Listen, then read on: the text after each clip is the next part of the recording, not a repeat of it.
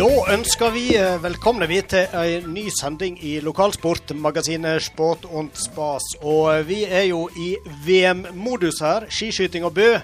Det kommer nok til å prege en del av denne sendinga. Og vi flagger jo i eh, studio i dag. Vi må gratulere Markane og Stryn med en flott prestasjon i Østersund. Kjempegreier å Tarjei i dag. Bronse på 20 km. Kongedistansen i skiskyting. Det var en uh, utrolig spennende innspurt. Han uh, Tarjei lå jo og kniva om sølv, og uh, lå vel en liten stund, noen få tideler, forbi en bulgarer. Men det holdt ikke helt inn. Fire tideler, men som han Tarjei sa, så i dag var det vel likegyldig om det ble bronse eller sølv. Han var godt fornøyd. Det smakte som gull uansett, tror jeg. Vi skal tilbake til den prestasjonen, selvfølgelig. Og vi skal òg bli litt bedre kjent med disse VM-heltene våre i Østersund. Og det har vi tenkt å gjøre gjennom dagens gjest, bl.a. For han Tarjei og Johannes sin storebror, han Rasmus Endre, han kommer på besøk, og det gleder vi oss til. Og Dessuten så skal vi ringe opp landslagstreneren. Egil Kristiansen er med oss uh, direkte fra VM-byen. Og ikke minst så skal vi snakke med kamerat og tidligere konkurrent, han Jarle Midtgjell Gjørven.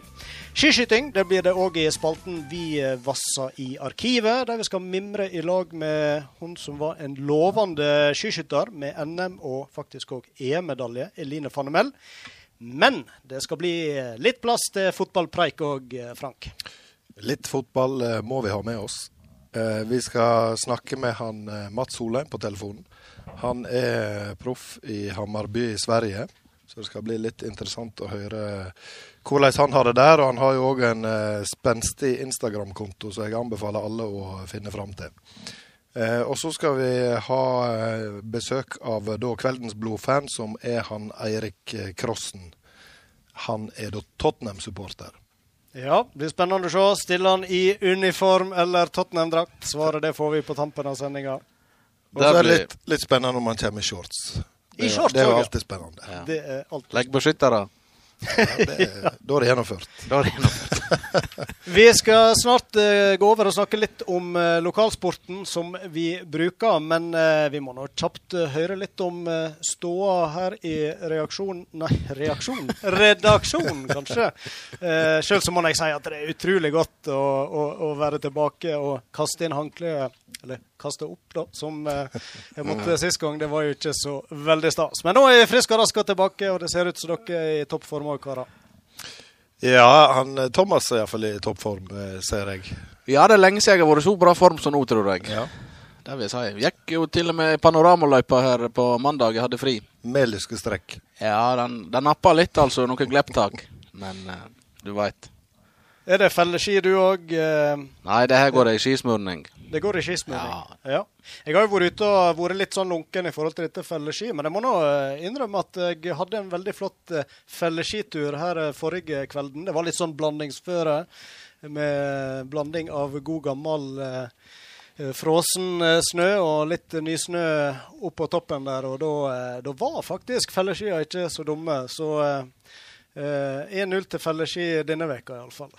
Ja, det kan vi si. Så er nå da allerede felleski nevnt i sendinga. Da Ja. har vi bare Stryn 2 igjen, men det kommer sikkert seinere. Det tror jeg vi skal komme veldig sterkt tilbake til. Eh, vi skal øyeblikkelig som sagt ta en kjapp eh, runde med lokalsport. Men vi må ikke glemme vår trufaste sponsor.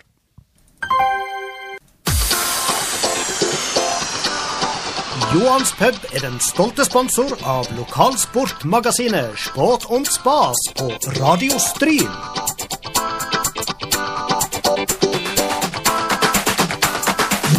Og på Johans pub der kan du få med deg Champions League, Premier League og FA-cup på storskjerm. Annenhver fredag kan du òg teste kunnskapene når puben inviterer til quiz.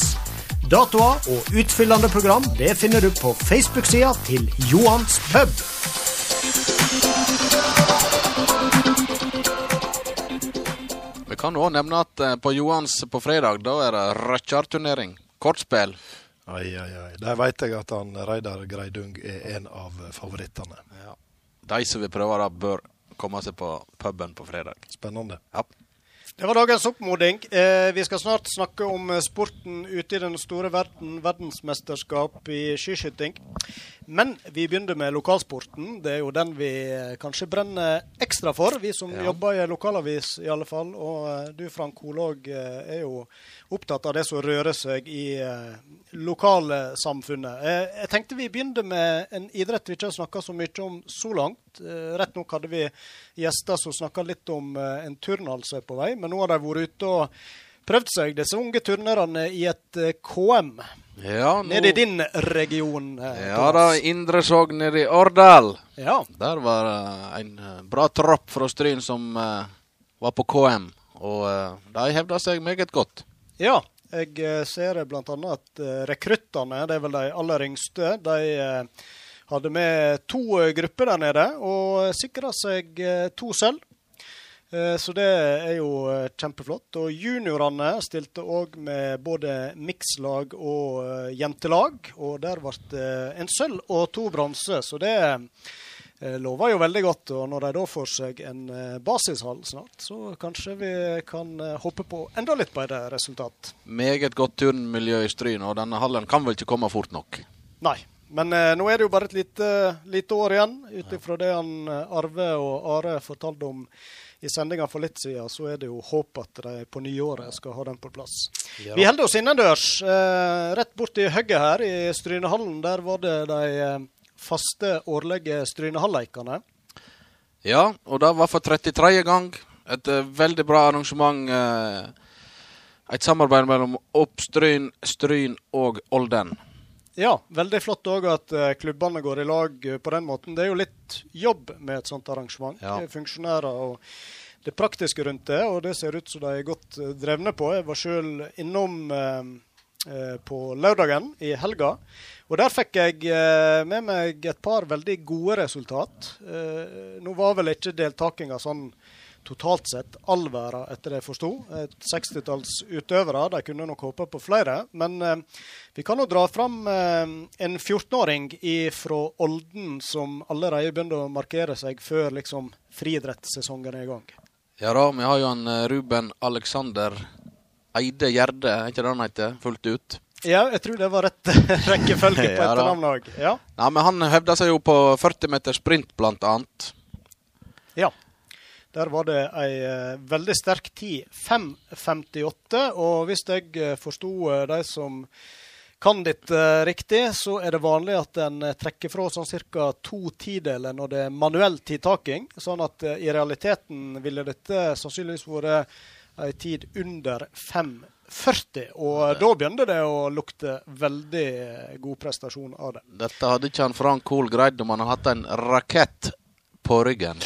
Det spørs på størrelsen på raketten. Nei, det tror ikke jeg. Nei, Nei. ikke jeg heller. Vi spekulerer ikke altfor mye på det, men jeg har òg lyst til å nevne ei jente som eh, ja, Hun blir vel øyeblikkelig 16 år, hun Johanna Kveen Øvreflo.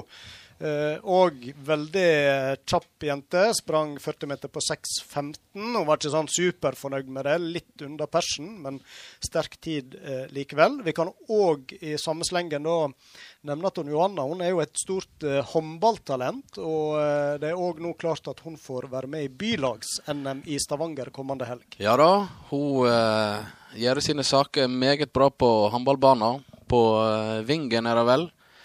Og hun skal være med i bylags-NM, ja. Og det tror ikke jeg har skjedd siden hun Lone Vik var med for noen år siden. Jeg tror hun kanskje var siste stryning som var med på det. I tillegg så er han eh, Abdul Baset Aljaye. Han bor i Stryn, men spiller for Dale. Han òg skal være med. Så det er to stykker fra Stryn som eh, skal spille NM nå til helga. Mm. Og dette er jo da i, i regi av Region Vest, eller Region Vest de representerer da i håndballsammenheng.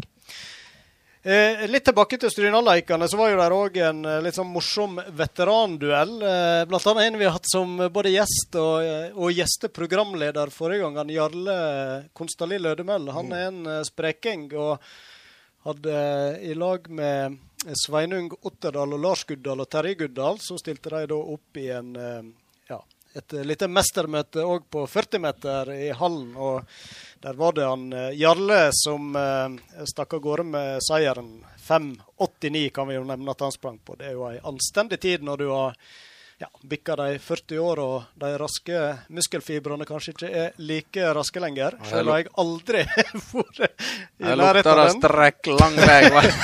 ja. Hadde vel, Ja, din, hadde vel ikke klart så, den heller, med, med en rakett i ræva. Nei. Eh, ja, og så har jeg lyst til å ta med Per Jakob Tunhold. Han er en eh, sportentusiast. Og Ja her stilte han sjøl opp med startnummer, var med i kulestøt. Og eh, vant der eh, fattige var det fire eller fem centimeter foran Lars Guddal i veteranklassen. Han støtte 7,26 kilos kula til 9,69. Meget imponerende. Kjempeflott, de stiller opp. Så tar vi òg med raskt at uh, ski, eh, skiløperen, skiskytteren, langrennsløperen Maren Hjelmeset Kirkeide hun ble nummer to i Ungdomsbirken. Det er et eh, ja, litt sånn kortere utgave av Birkebeinerrennet. Det går fra Sjusjøen til Birkebeineren skistadion på Lillehammer. 15 km langt. og Der var hun bare ti sekunder unna å vinne sin klasse, og det var over 100 med. Så eh, veldig flott prestasjon. I hoppbakken eh, i helga, og for så vidt i kveld òg, så eh, går det dessverre litt trått for han som vi stadig krysser fingrene for. Jeg tenker på han Anders Fannemel. Ja da, han driver og kaver rundt 50. 60. plass i kvalifiseringen, og da blir det lite finalehopping, dessverre. Men eh, kanskje vi kan eh, høre med Eline Fannemel senere i kveld om hun har oppskriften på hvordan han kan gjøre det bedre. Ja, det er rart med deg, storesøster. Hun har gode råd om det meste, så vi får se om vi husker å spørre henne om det. Da tror jeg vi må gi ordet til fotballeksperten vår her. Er Det var vel et fotballhjørne? Et lite fotballhjørne, ja. For det, det skjer litt der nå. Vi nærmer oss eh, seriestart. Ja, det er det. Eh, vi kan først ta med at Stryn eh, vant vinterserien eh, for juniorkvinner. Der hadde de et seriespill som gikk over eh, to helger i kamp da med Sogndal, Førde, Sandane og Kaupanger. Der Stryn vant den siste kampen mot Kaupanger, så gjorde at de vant eh, den serien. Det var eh, imponerende av, eh, av Stryn. Så har Stryn sitt herrelag vært til Ålesund nå sist helg, på ei treningssamling der. Spilte to kamper, vant 1-0 mot Rollon og vant 6-0 mot eh, Aksla. Håvard Kroken var matchvinner i første kamp. Uh, Olivan Glåsvik Espeland skåra to i andre kamp. Det gjorde òg jo, nei, Mats Wie, som er, kom seg på beina igjen. Uh, Johan uh, Ytreide og Justas Busmich skåra de to siste der. Men du Frank, eh, disse lagene du nevner de spilte mot, eh, hva nivå ligger de på? Det sånn for å sette det litt Rollon er så vidt jeg vet et sterkt tredjedivisjonslag, så det var en veldig bra prestasjon av Stryn. Eh, Aksla er vel et eh, Er det femtedivisjon de er? Jeg er litt usikker på det, men det var eh, Du kan si den første kampen mot Rollon, det var Stryn, og så var den andre kampen da et eh, tilnærma Stryn 2-lag. Mm. Sånn at de fikk matcha hele troppen der oppe, da. Der fikk vi nevnt Stryn 2 òg. Der eh, kom det. Ka-ching. Ja, men det er viktig. viktig. To gode resultat og null baklengs. Det er gode papirer. Og så har vi kanskje noe rykende ferskt resultat òg? Eh, det har vi. Vi kan òg nevne at eh, på trenerfronten da, så har han Dagmund Evebø tatt over som eh, trener i Hornindal. Oi, oi, oi. Verdt å nevne. Ja. Sjette divisjon. Sjette divisjon, så nå ser vi for oss at, de kommer til å rase opp gjennom divisjonssystemet som en rakett. Og de hadde vel et års pause òg nå, så de begynte litt det er- ekstra det er på scratch. Ja. Mm. Så eh, spennende om de får, eh, får sving på sakene der. Men du, eh, Frank, nå spiller jo Jente 16 eh, cupkamp ute på stadion. Det gjør de. As we speak. Jeg eh, har fått info om at Stryn tok ledelsen 1-0 der. Det var 1-0 til pause. Emma Sæbø skåra det målet. Og at eh, Førde utligna til 1-1 eh, den kampen, er ikke hei Ja, kanskje den er over akkurat nå, men jeg har ikke fått melding enda om det. Men her skal det være en returkamp i Førde òg, sånn at uh, Ingenting er avgjort. ingenting er avgjort der. Det er da Men vi skal 16. oppdatere selvfølgelig på det resultatet så fort vi får det inn. Det gjør vi. Mm. Var det fotballen, eller? Jeg kan prate mer fotball, men nå må vi videre i programmet. Ja. Men jeg har lyst, eh, før vi forlater fotballen helt, når vi er inne på det, så eh, må vi gratulere ei tidligere Jeg tror det er ei forsvarsklippe på Stryn. Terje Valaker har gebursdag i dag. 53 år. hei, hei. Gratulerer. Gratulerer. Vi vifter litt med flagg òg, hvis det er lov å si til han eh, Terje Valaker. Spilte òg mye defensiv midtbane. Da var han Terje alltid opptatt av at ballen måtte innom han. Hvis det skulle bli noe fart på det. Ble det fart? Ja, han gjorde jobben der, vet du. Ja, det tror jeg òg. Fantastisk eh, fotballspiller.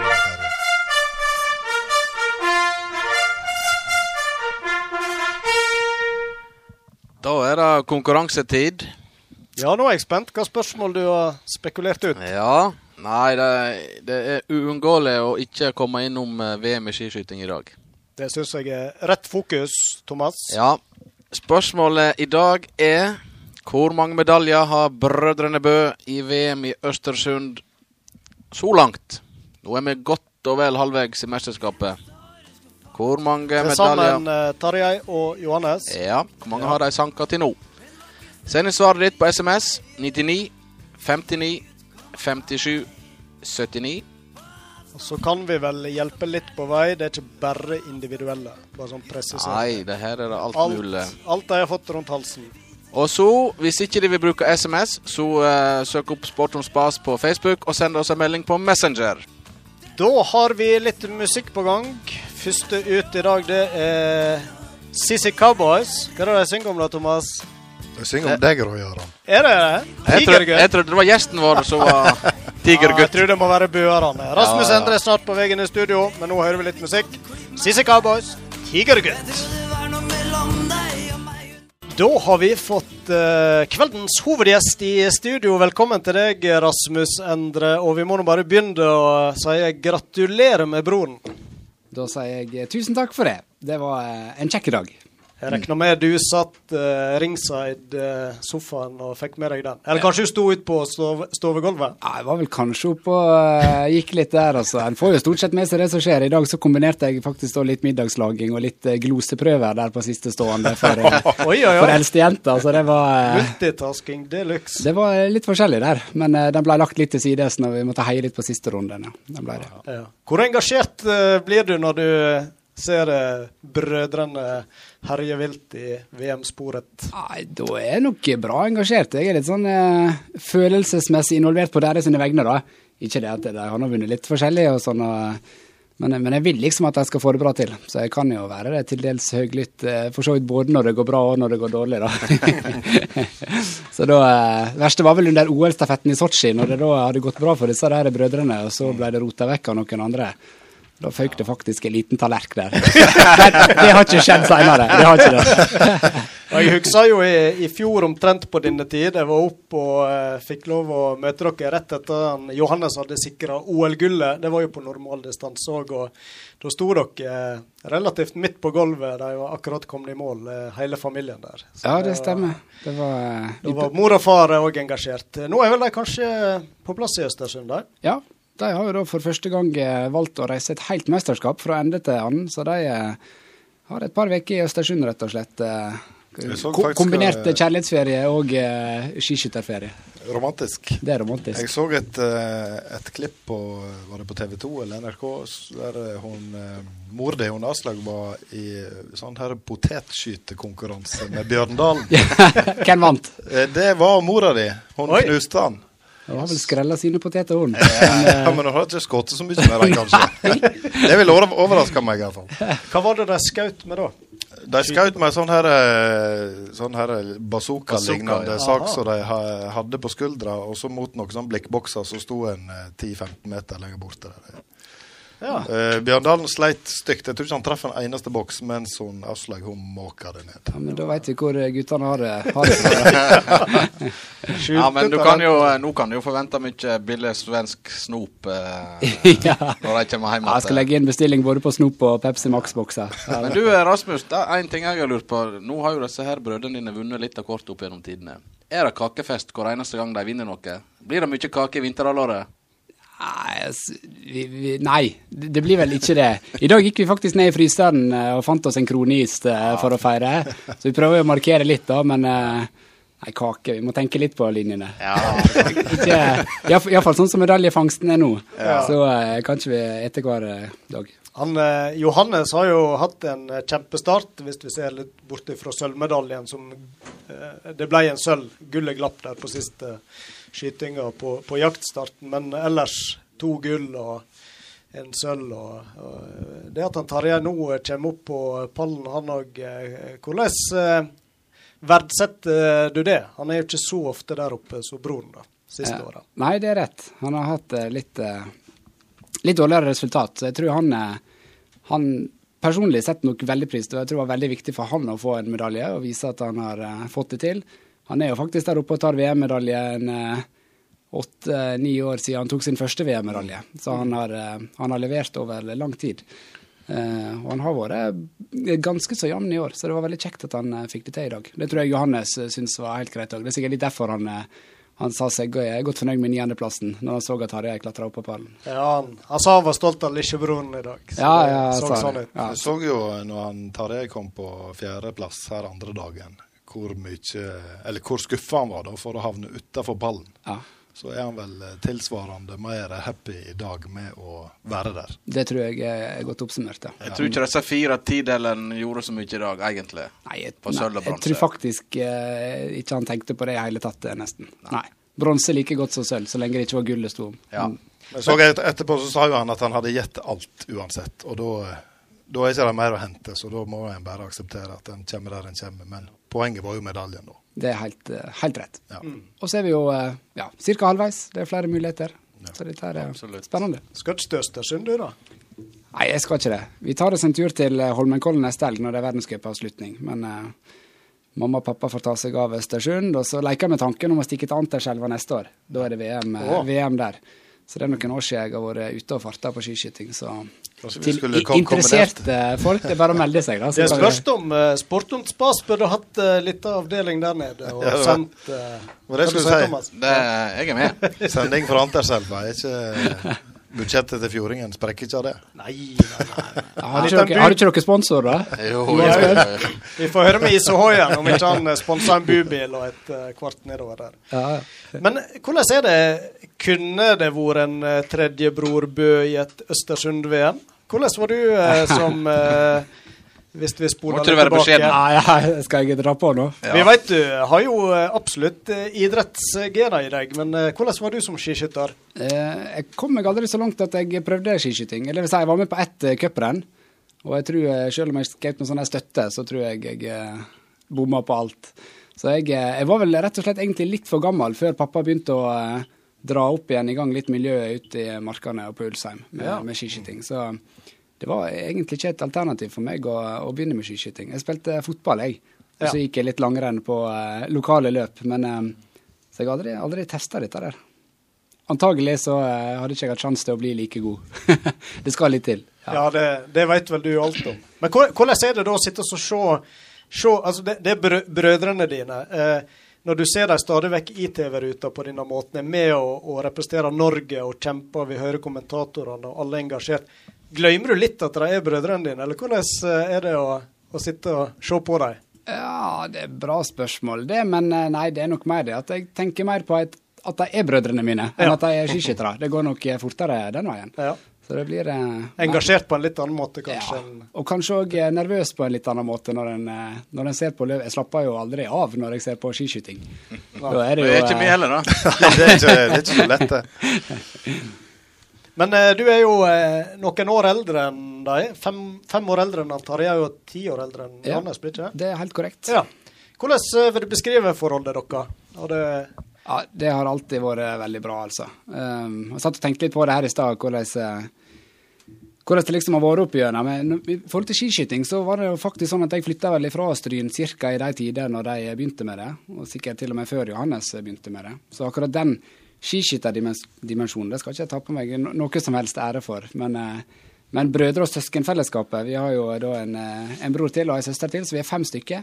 Og det har alltid vært sterkt, og det er fortsatt, fortsatt sterkt, altså. Så vi har nå, eh, om vi ikke har daglig kontakt eh, det, det er noe langt derifra. I forhold til fysiske møter så har vi en sånn Snapchat-gruppe som vi har eh, hyppig daglig kontakt på. Så vi holder, vi holder kontakten. Det er god, der, god stemning i gjengen. Der har du allerede blitt oppdatert, forsto jeg, fra Østersund. Ja, ja, men sann. Det vil si, Tarjei har ikke gitt respons ennå, så det betyr vel at han, måtte på en premieutdeling og litt forskjellige ting. Vi får vel sikkert svar seinere. Men jeg, skulle, jeg, spurte dem om de hadde noe helsing. Oh, ja. Så jeg skulle nå i Sport und Spas-studio. Ja. Og uh, Hilsenen fra Johannes det var at nå måtte vi lage en sånn festival i Stryn som var på et annet tidspunkt enn når de var i ja. sesongoppkjøring. så hvis noen kunne tatt ansvar på å lage en festival sånn i slutten av april den der nest siste veka i april, det er vel da de har fri? sånn cirka. Utfordringen er gitt til uh, Hele Stryn, der har vi En sånn Bø-festival, det, da? Ja, ja det, det, det, kunne jo blitt det. Ja. Vært, Hadde de ønske om eh, innhold i festivalen og Tema? Nei, men vi kan jo se uh, Vi kan jo be dem om å komme med det ja, litt seinere utpå kvelden, da. Så. Jeg har jo diskutert med noen andre tidligere, for det er så mye festivaler i Stryn, at vi burde hatt en festival om festivaler. Ja. Festivalfestivalen. Ja, nettopp. Ja. Den kan jo vi legge der. Det kan være interessant. Mm. Men er du som er um, eldstemann i søskenflokken? Ja, ja. det stemmer. Ja. Mm. Så om ikke du har gode råd når det gjelder skiskyting, så er det kanskje andre ting du har gitt deg råd opp gjennom? Ja, jo, det ringer, altså, det ringer til meg når de har et spørsmål om eh, alt som har med tall og økonomi og sånne ting å gjøre, vet du. Da må en, eh, ringe til storebror som har greie på dette der. Ja. Så eh, jo da, hvordan skal plassere premiepengene? Er det du som ja, kommer med skal, Så Tarjei hadde plassert noen penger i noe bettingselskap. Jeg skal ikke ta på meg den. det var ikke på din anbefaling? Nei, det var ikke på min anbefaling. Nei. Jeg så han Johannes uh, mistet jo 70 000 kroner i uh, premiepenger fra USA. Har du ført tilbake dem? Ja, det går vel utover julegaven i år, det er da antagelig. Men jeg har ikke merka det ennå. Nei. nei, nei. Men eh, du var inne på det at det, det, er klart eh, de fysiske møtene blir jo litt avgrensa. De er jo rundt omkring, enten det er samlinger og når det er sesong, så er det renn. Men eh, er det daglig kontakt og en ja. ja, det er faktisk dag nesten daglig kontakt, altså. Ja. Så vi, vi, får med oss det som skjer. De får med seg det som skjer i Stryn med litt onkelbarn og litt sånne ting som som vi har prestert. Om vi ikke er skiskyttere, så har vi iallfall laga noen barnebarn i familien, så den kan vi krysse av, jeg og Martine. Um, og Det er absolutt uh, mye og god kontakt. Altså. Og Neste helg da uh, samles vi alle. Da reiser vi til Holmenkollen, og så um, blir det familiehelg i, i Oslo, hele gjengen. Mm.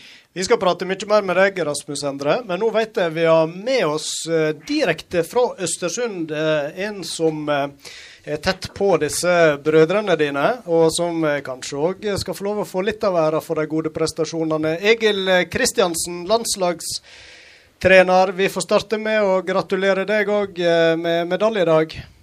Ja, tusen takk for det. Ja, Tarjei eh, på pallen, hvordan uh, vurderer du løpet hans i dag? Jeg tror det var et uh, veldig sterkt løp av Tarjei. og jeg, um, Vi hadde jo valgt måte, gruppe to og tre, og tre som kanskje det beste ut fra værmeldinga, men værmeldinga slo ikke helt til. Så Tarjei hadde nok etter mitt syn litt dårligere forhold enn de tidlig startene, så det var et sterkt løp til Tarjei. Ja, det var vel litt snø på slutten der, Egil, som eh, kanskje tok fra han sølvmedaljen, selv om han var kjempefornøyd med bronse? Ja, altså han var veldig godt fornøyd med bronse. Eh, det hadde vært verre hvis det var mellom tredje- og fjerdeplassen. Det hadde vært mye verre. så vi gleder oss over den bronsemedaljen. Det var veldig, veldig, veldig fortjent. Men du Egil, kan du eh, Nå har du to stryninger på laget ditt. Takler du det på en god måte? ja, nei, det går bra. Det, det har vi vært noen fighter over fjellet før i år nå, så, så vi, vi, klarer det, vet du. Vi klarer å, å håndtere et par stryninger. Ja, Nå har vi broren, eldstebroren deres i studio òg, så om du hadde hatt tre stryninger på laget, så hadde du vel takla det òg? Ja, det skulle gått fint, det òg. Få si ifra hvis du trenger en ekstra stafettløper, da, hvis det skulle knipe. ja, jeg skal si ifra det. det. Enn så lenge så ser det ut som det går bra, men eh, hvis det skulle bli knipe, så skal jeg ta og plinge på. Ja, det er bra. Men du Egil, i eh, helga så eh, ble det jo klart at han, Johannes han vant verdenscupen eh, sammenlagt. Og nå drukna jo det kanskje litt i skuffelsen der og da med sølvnederlaget på jaktstarten. Men eh, kan du si litt om hvor stort er dette her å ta trofeet etter veldig mange år med Forkad-dominans? Det har, jo, altså det har jo vært et stort mål for Johannes også. I, i skiskyting så er jo kanskje verdenscupen sammenlagt betyr nesten mer enn et uh, VM-gull. og Det har jo Johannes sagt sjøl, at å vinne verdenscupen sammenlagt er, større for han enn å, å ta et VM-gull. Så det, det, viser jo måte den skiskytteren som er best over hele året. og, og Johannes har jo da vunnet ganske mange skirenn i år og har jo klart den beste skiskytteren i år. Så det er en meget, meget stor prestasjon. Hva er det han Johannes har gjort ekstra riktig i år, sånn som du ser det? Altså, den store forskjellen tror jeg nok er den eh, enorme seriøsiteten og gjør de absolutt de rette tinga til enhver tid ifra han eh, starta kanskje for fullt treningssesongen. og Den ble jo på en måte litt, litt senere enn vi hadde tenkt. Så fra oktober og utover så har jo han vært dønn seriøs og prøvd å gjort de riktige tinga absolutt hele tida. Det er nok den store forskjellen, tror jeg. Han Johannes hadde jo ei litt eh, kronglete oppkjøring. og jeg, husker Det det var vel kanskje du som sa det til og med, at den gule trøya eh, ryker vel allerede nå, sa du i høst. Stemmer det?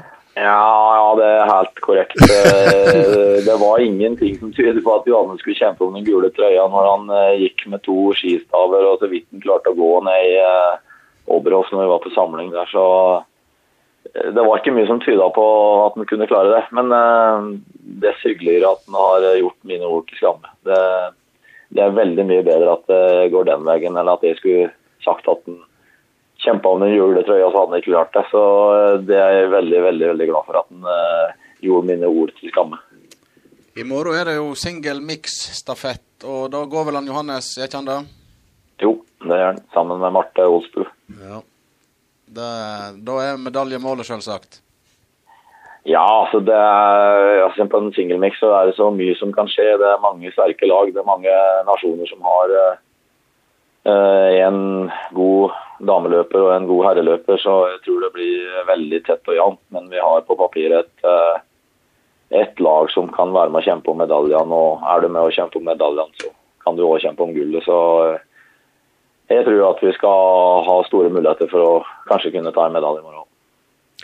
Og han Tarjei han eh, syner jo absolutt uh, kjempeform nå. Hvordan vurderer du sjansene hans uh, videre? Det er en fellesstart individuelt igjen i tillegg til stafett for han. Ja, nå blir det stafett da på lørdag og en fellesstart på, på søndag. Nei, unnskyld. Ja, ja, det ble det. Stafett på lørdag og fellesstart på søndag. Det var det som var rett. Så Tarjei han jeg eh, tror jeg vil gjøre det veldig bra på den fellesstarten. Det er en øvelse som han liker ganske godt. Med litt uh, kjemping og, og mann mot mann. Så der tror jeg Tarjei har lyst til å gjøre det, gjøre det bra. Veldig kjekt at du Egil tok deg tid å være med. Jeg vet du står på farten og skal på et uh, løpermøte øyeblikkelig. Vi ønsker masse lykke til både i morgen og resten av øvelsene. Og så hilser vi fra Spåton spa-studio her i Stryn og ønsker dere masse lykke til. Jeg skal hilse fra alle stryninger borti her og alle andre nordmenn også. Helse til dere òg. Da bringer vi det videre ut på FM-bandet her i, i Stryn. Ha det godt, Egil. Ja, bra. Ha det bra, ja. Da har vi um, tatt en ny telefon i mellomtida, vi. Og vi skal bevege oss ganske langt eh, nord i landet, til Finnmark, og ønske god kveld til deg, Jarle Midtgjeld Gjørven. Ja, hjertelig takk for det. Takk for det. Ja, og du eh, er jo en som uh, kjenner disse Bø-brødrene godt, og kanskje særlig han Johannes, som du er jevngammal med. og regner med du òg fikk med deg bronseløpet til han Tarjei i dag, og følger med på VM? Ja, det gjorde jeg. Jeg har for sikkerhets skyld montert opp en eh, TV i butikken her oppe, så, så jeg, har, jeg, har, jeg har fulgt med hver dag, for å si det sånn. Ja, for du jobber til vanlig på sportsbutikk? Ja, ja. jeg det. Så har jeg, har jeg til seint denne veka her, så fra mellom, fire og seks så er det ikke mye kundeservice jeg yter, i hvert fall. det er ikke det. Ja, men kundene setter vel litt pris på uh, kunnskap om uh, disse uh, skiskytterne fra Stryn òg, ikke det? da? At de ja, det er alltid, litt om, alltid artig å kunne komme med en gulrot som de ikke forventa. Ja. Det, du, så det, du er jo som sagt Ja, beklager. Ja. Nei, nei, nei, nei, det er sånn sett, så det går fint. Ja. Eh, du er jo like gammel som han Johannes, og uh, har jo kniver med han i i, i en del år, iallfall til han eh, begynte å markere seg på internasjonalt nivå og forsvant litt ja. ut på verdenscup og sånn. Husker du eh, første møte med han, eh, denne karen fra Bø? Uh, skal vi se Skal vi se om jeg klarer å huske sånn sist gang jeg slo han, iallfall. Når det var. Det, må, Det kan være vel så interessant å høre om. jeg, jeg tror faktisk sist gang jeg slo han, det var altså um, um, Det var sommer-NM i Holmenkollen. Jeg var 20 år gammel. Kanskje årstall det kan være. da. Det er jo snart seks år siden. Da stilte han i seniorklassen fordi han liksom skulle være så god. Men eh, da var han eh, Da tror jeg jeg slo med fem eller ti sekunder i, i juniorklassen. da. Men vi gikk samme distanse. Så det tror jeg er siste gang jeg slo han. Sånn på redelig, broderlig vis. Men så har det vel vært mange møter før den tid i, på Ulsheim i markene, og i starten var vel du eh, kanskje vel så lovende som han? Ja, jeg var iallfall en be- bedre skytter enn hva han var. Han, han gikk vel kanskje stort sett litt raskere enn hva jeg gjorde på ski, men eh, han hadde i hvert fall som regel et par bom bein enn meg, så da var det som av og til at jeg klarte liksom å Kanskje i 60-40-fordel meg, da, at jeg var foran han stort sett. I, i den fordelinga, da. Eh, bare egentlig mest på skytinga. For jeg alltid, alt var alltid gode skyter, så jeg, hadde en liten forse der. og så Problemet var at han traff mer og mer etter hvert jeg forere og fôra. og da Forferdelig det irriterende, var, var, var ikke så godt å henge med lenger. Men du har jo vært Du var jo aktiv eh, holdt på å si, inntil nylig, Jarle. Jeg var, jeg, jeg var aktiv fram til ja, slutten av mars i fjor. Ja. Så det er jo det er snart et år siden. Og nå driver du og pusser opp hus, og nå har det blitt lite trening. Ja, det har, det har vært eh, dårlig, dårlig egentlig. Det har, det har blitt dårlig form. Det, det skranter veldig. Det, det skal jeg love, Men- love deg. Men du har vært på cuprenn i kveld. Ja, jeg gikk inn til andreplass i kveld. Oi, oi, oi, vi flagda litt for deg i kveld òg, da. Ja, ja. Det er jo jeg som, jeg som presterte beste plasseringa i striden i dag. Det er sant. Men du, Ja. eh, var det dere forsto at eh, han her Johannes eh, var bygd av noe helt spesielt, da? At eh, han eh, ville nok nå litt lenger enn eh, kretscupen og Norgescup? Jeg visste egentlig ikke helt det. Det var jeg, kanskje, sikkert lettere for andre folk utenfor å, kanskje legge merke til det enn jeg som gikk opp på han eh, hver dag på én måte. For det ble, ble litt mer vanesak for min del. Han var nå bare sånn. Eh, men eh, klart når vi kom på, kom på videregående og han begynner å For det første strekte han seg veldig. Han ble jo en større, en større kar. Um, samtidig så treninga Han trente litt mer enn hva han hadde gjort tidligere. Så skjønte jeg fort at det her Nå går han såpass fort at det her, her kommer det til å skille seg ut et eller annet hvis det her fortsetter i samme tempo. Uh, det har jo sånn sett gjort det. Så du ser nå hvordan det står her nå, så det er jo ingen som holder følge med han lenger. Jeg las i, eller sto vel i Fjordingen Du har ikke fått Fjordingen ennå, du er så abonnent, men eh, det sto vel eh, i går at eh, du og Johannes og Runar Netland og Ja. Johan Eirik Mæland Alle fire var på Youngstar i Holmenkollen for ti år siden. Ja, det kan vel kanskje stemme. Det er jo ikke så eh, gale med fire stykk fra markene i Youngstar. Nei, det, det er litt tilfeldig. Problemet var at eh, jeg, jeg fikk ikke gå av reserve. Ja, Der sto ikke det noe om at det var noen reserver der. Nei. Nei, jeg, eh, jeg, jeg fikk aldri gått i Youngstar. Jeg var kun reserve. Jo, jo. Men eh, du Jarle, du hevder deg godt seinere òg, og du har jo vært med i junior-VM. og Ble ikke det en bronsemedalje på deg òg, da?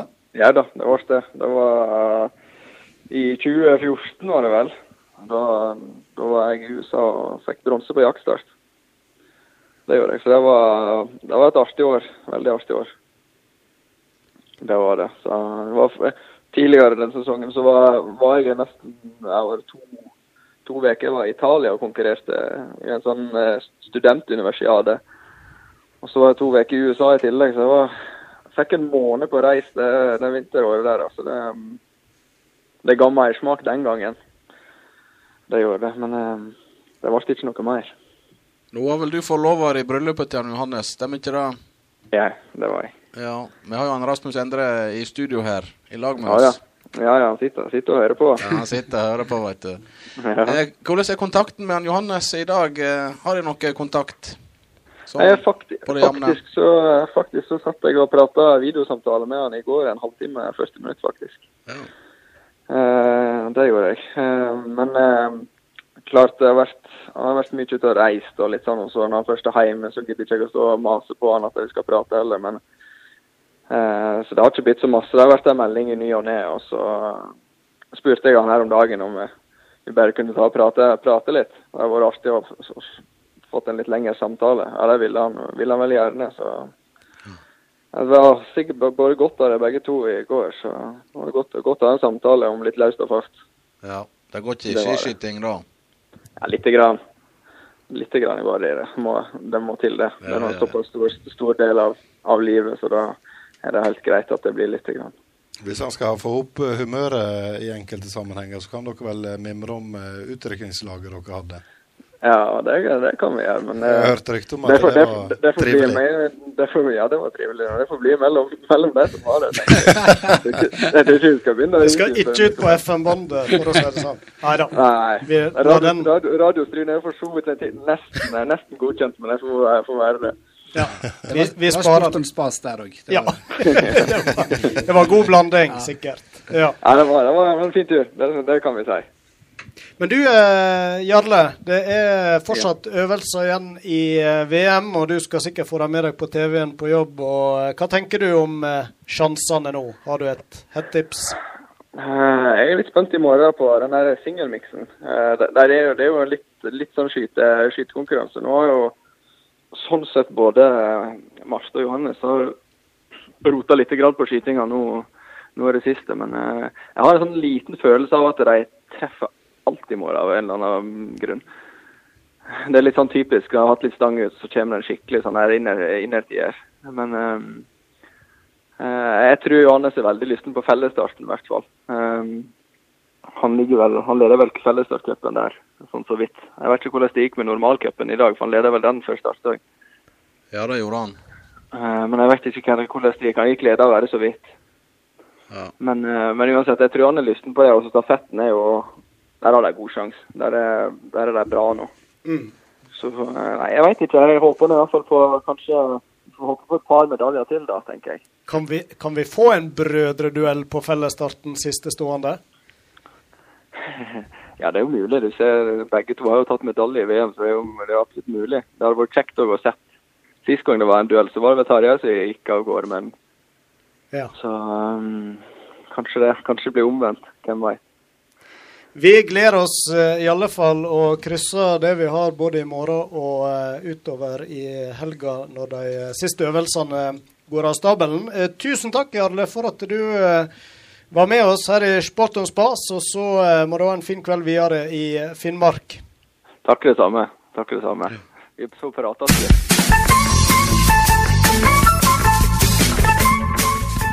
Flott. Ha det godt, Sund eh, Sundemann. Ha det bra. Jeg veit ikke fram eller bak på en ball, men sport og spas, da har jeg sansen for. Sport og spas, prat og fjas, moro. Dette her er grådig stas. Sann.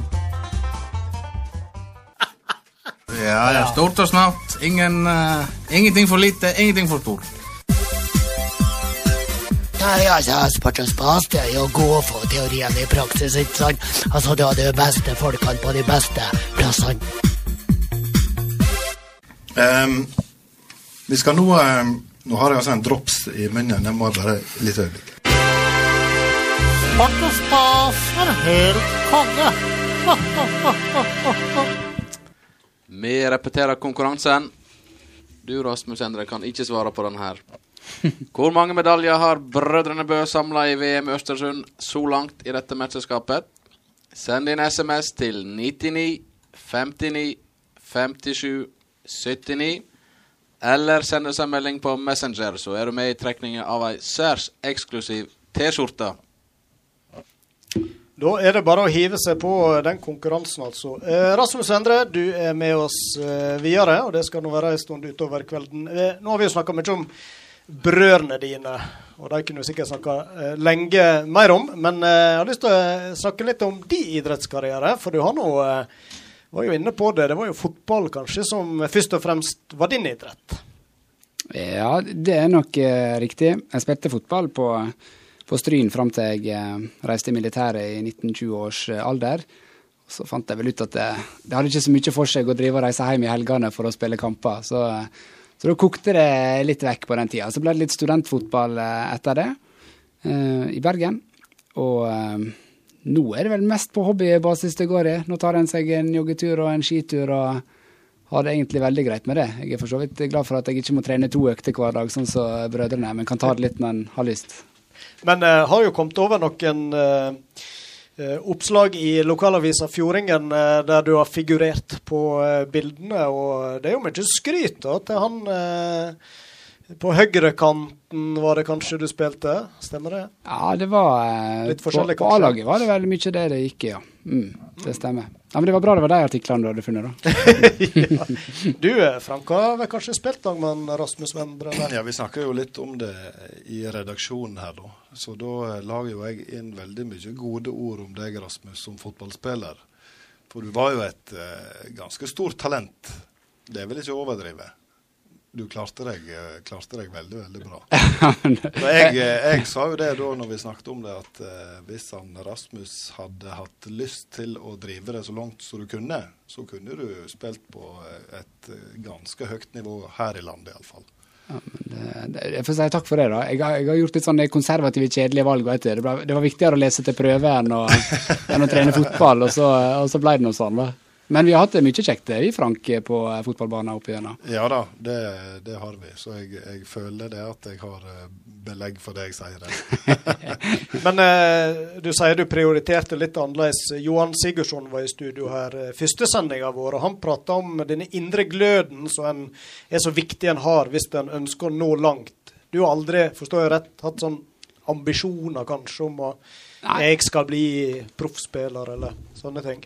Nei, jeg har vel for så vidt ikke det innenfor uh, idretts, uh, idrettsverdenen. Jeg har trivdes med å drive med litt forskjellig, og for all del, jeg hadde ikke trivdes hvis jeg ikke fikk lov til å trene. For det er jo en uh, viktig del av hverdagen, det å kunne, kunne, ta seg ut litt. og det er det fortsatt. Men, men, jeg har aldri hatt den der driven som jeg kanskje måtte hatt, selv om jeg har genene på plass, til å, til å bli best i verden. Mm. Det tror ikke jeg. Da skal en iallfall være veldig motivert. Men du har jo, Johannes eh, har jo òg eh, vist et bra talent når han var yngre på fotballbanen, og har jo denne berømte kontrakten med Stryn. og jeg vet ikke, Han håper vel, etter det vi forsto, fortsatt på å få et innhopp, innhopp på A-laget til Stryn en, eh, en, dag. Er det litt kjekt å iallfall ha slått disse her en verdensmesterne på én arena, eller? Ja, det er for så vidt sant. Og så har jeg noe, jeg pleier å si det, at jeg har vel egentlig aldri slått meg i noe som helst. Så jeg passer på å gi meg før de ble gamle nok til å være i posisjon til det.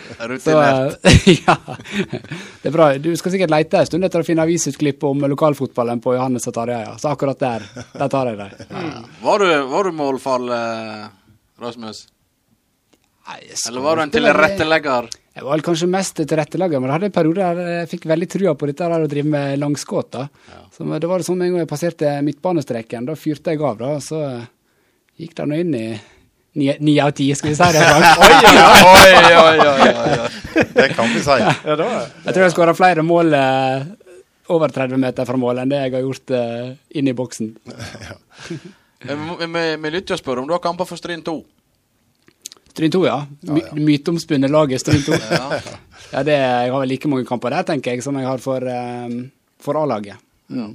Jeg husker Rasmus uh, som en uh, tilrettelegger, først og fremst, egentlig. Da, selv om du da tydeligvis hadde et tungt langskudd, så husker jeg at han var veldig pasningssikker. Og en ja, ganske sånn slepen midtbanespiller. Da. Så han var, han var bra, han, altså. Det var han. Og så vil jeg jo tro at kondisjonen var en styrke, for du er jo et kondisjonstalent. Det, du er god på å løpe skåla opp, f.eks. Har du jo gode tider. Jeg har måttet se meg slått av deg noen ganger, og det er ja, nå mange svar. Det er nå bare så vidt òg, da. Jeg rakk ikke å snu meg. Jeg kom til målstreken før eh, Roy Aron var eh, like, like bak. men men, men, men er ikke du som har rekorden på Strynemila? Du hadde iallfall Det er det vel for så vidt. Ja, det tror jeg. Eh, den, den nye Strynemila, hvis vi kan kalle det det. Ja. Der har, det Meget sterk tid, så uh, du skal ikke snakke ned uh, ferdighetene dine. Du uh, er fortsatt en sprekking. Ja, ikke tvil om. Nei da, men jeg liker, liker, å komme seg ut, og det er kjekt å springe litt, ja. Mm. Vi skal snart snakke med en en som fortsatt er aktiv på fotballbanen. Eh, nå skal vi bevege oss til Sverige, men vi spiller litt svensk musikk mens vi tar og ringer opp rikstelefonen. vi. Ja. ja, hallo. Da skal vi ha med oss han eh, Mats Solheim. Er du her, Mats? Ja. Hallo, ja.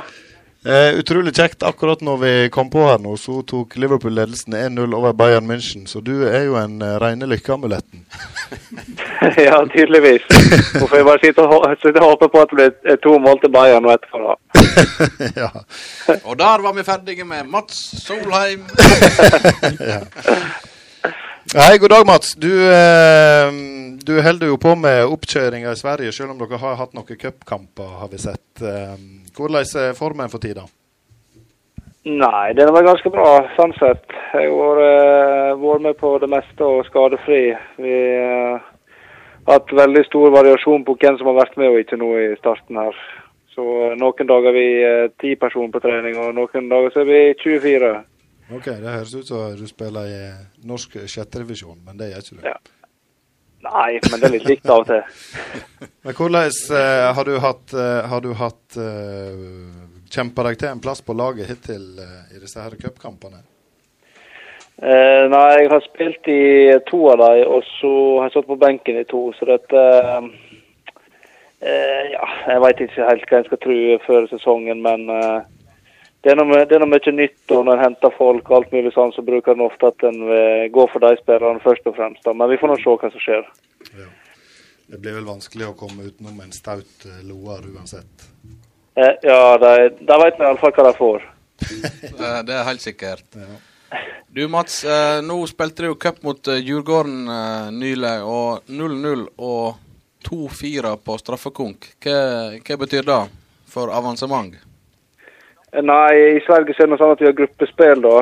Eh, så vi, eh, vi gikk nå videre fra det, og da møtte vi Djurgården nå i kvartfinalen. Så dette, eh, med tanke på at vi tapte på straffene mot dem nå, så, så røyk vi da, dessverre. Det var jo ekstra bittert med tanke på at det var derby og sånn. Da blir det ståhei her borte. Du hadde skåra på straffe? Det er 50-50, tror jeg. Ja, jeg har, jeg har trua. du har dårligere treffprosent enn eh, Johannes da, på stående skyting? ja, nei, jeg vet ikke. Jeg tok meg straffen i Stryn, men jeg vet ikke hvor mange skåret på. Jeg, Frank, jeg vet ikke om du husker det. Bomma på noen, i alle fall? Jeg kan ikke huske at du har bomma på noen ting mens du spilte i Stryn. Du skåret jo 40 mål i året. Hæ? Du skåret jo 40 mål per sesong. Jeg husker bare den kampen inn i Årdal. Det, det, det jeg husker best av alt når vi spilte 0-0. Vi hadde 150 sjanser, tror jeg. ja. Av og til så er det stong ut. Men du skåra jo i bøtter og spann både i Loen og, og Stryn, eh, Mats. Men så kom du til Sogndal, og da ble du plassert på, på bekken. Ja, jeg spilte vel litt offensivt i starten. da. Var, var vel innom de fleste posisjoner. Så ble det nå litt sånn det, det er litt mindre tropp inn i Sogndal enn uh, kanskje en del andre plasser. Da. Så da flytter litt folk rundt. Og sånn sett, med tanke på karrieren som jeg har hatt det, så kan det hende at det fort har vært rett allikevel. Ja. Var det, så, noe du, eh, var det noe du ønsket sjøl, eller var det en trener som ville eksperimentere litt? Nei, det var vel Aabrekk eh, en eller annen gang der som vi mangla høyreback i noen treningskamper. Så gikk det bra i første, og så ble det én til. og så så ble det til at uh, jeg ble værende der bak. Og det Som sagt, det er umulig å vite hva som hadde skjedd hvis den hadde fortsatt framme, men uh, har nå det har nå gått relativt, greit likevel i karrieren, skulle en si. Ja visst har det det. Eh, du Mats, du er jo eh, kjent som en miljøskaper i de klubbene som, som du har vært. Eh, og for meg og mange andre som følger deg på Instagram, så ser vi jo de sprella du, du, finner på der. Hva, hva, er det på en måte som er holdt på å si, motivasjonen din bak den Instagram-kontoen? Nei, det vet Egentlig så satt vi på en uh, lagmiddag, for jeg vet ikke hvor lenge siden den kontoen ble oppretta. Det var egentlig en tre-fire spillere på laget som skulle kødde med meg. Så da da oppretta de bare kontoen. Jeg vet ikke hvor mange bilder. La ut fullt av bilder hele tida med bare surr, og så uh, hadde det eskalert. Så det, det er nå på den måten. Jeg, ikke, jeg hadde ikke innlogginga til kontoen på ett og et halvt år engang. På din egen konto? Nei, ja, det er helt rett. Han satt nede i Tyskland, han som drev på med det. Men du har jo fulgt greit opp uh, etterpå, da? Ja da, det har, det har, altså, jeg har nå vært med på eh, det meste etter hvert. da, så dette, men jeg har ikke hatt innlogginga før nå i januar. Det ser ser jo ut som, eh, som profflivet i Sverige og, eh, og den eh, klubben du spiller for, at dere har det, har det veldig løye i lag, da. Ja da. Det, det er nå litt sånn eh, Vi har nå ulike roller i en, eh, en klubb, og det har nå på en måte Det har nå på en måte bare blitt sånn at jeg har blitt den der eh, den typen som kanskje tar på seg en slags klovnerolle, eller hva en skal kalle det. Skaper litt sånn der eh, Litt utafor. Svenskene er nå litt mer sånn politisk eh, korrekt enn vi norske, det må jeg eh, ærlig innrømme å si òg. De er litt, eh, litt eh, staut Nei, kjedeligere, kan jeg si. Det er det, ja. Du veit, Mats, jeg hadde det jo på skolen eh, et år inne i Loen, og at du er en klovn, det kan jeg skrive under på. Ja, husker du når du stranga til meg inn i gymsalen når jeg ikke ville dusje? Ja, ja, ja. Husker alt. Ja, ja, ja. Nei da. Det går rykte om at han, Thomas var din gamle matte- og engelsklærer. eh. Fikk, fikk du lært noe eh, i de timene? Ja, jeg veit ikke. Jeg er ganske bra på begge deler i dag, da. Men eh, om, det var, om det var der jeg lærte det, eller seinere, det veit ikke jeg. Thomas nikker fornøyd der, så vi får, Klart å gi ære til han. Det ble lagt et grunnlag. ja, det er helt rett. Det er det viktigste. Grunnmuren. Grunnmuren ble støypt i Loen. Men jeg, eh, Mats, jeg sitter nå er litt imponert over hvor godt du holder på Nordfjord-dialekta di etter å ha bodd både her og der, og ikke minst eh, flere år i Sverige. Jeg hadde kanskje forventa litt sånn Skavlan-svorsk fra deg når vi skulle ringe deg, men eh, er du opptatt av å holde på dialekten? Eh, Det er jeg opptatt av, men eh, jeg må nå, må nå si det at jeg snakker nå eh, kanskje 60-40 her borte, da. Og det har nå litt med at uh, når jeg kom hit bort i Kalmar og sånn, da var det enda verre. Men eh, det har nå litt problemer å forstå uh, norsk når vi prater en del, da. Så dette, det har nå bare blitt sånn. Men uh, ja, nei, dialekt er viktig. Absolutt. Jeg er helt enig, Frode, Mats. Frode, Du, Frode Grodås. jeg må ikke begynne å rote sånn. Men du er jo Hammarby nå, og hvor lang eh, kontrakt har du nå eh, der? Nei, eh, nå har jeg ut året her, og så har jeg opsjon på ett år til. Eh, Men da er det både klubb og jeg som skal bli enige om at det skal bli et år til. Da. Så i utgangspunktet så er det bare, bare det her året som, som er gjeldende, da. Du, alle disse her inf informasjon om kontrakter og sånn, det fant jeg på nettet i, i dag på ei side som heter transfermarket.et eller annet, QUK. Ja, ja, ja. ja. Eh, der står det da at du har kontrakt til 31.12.2019, opsjon for ett år til. Og det, Ja. det kan du da bekrefte at det er korrekt? Eh, Det er iallfall det jeg har fått med meg.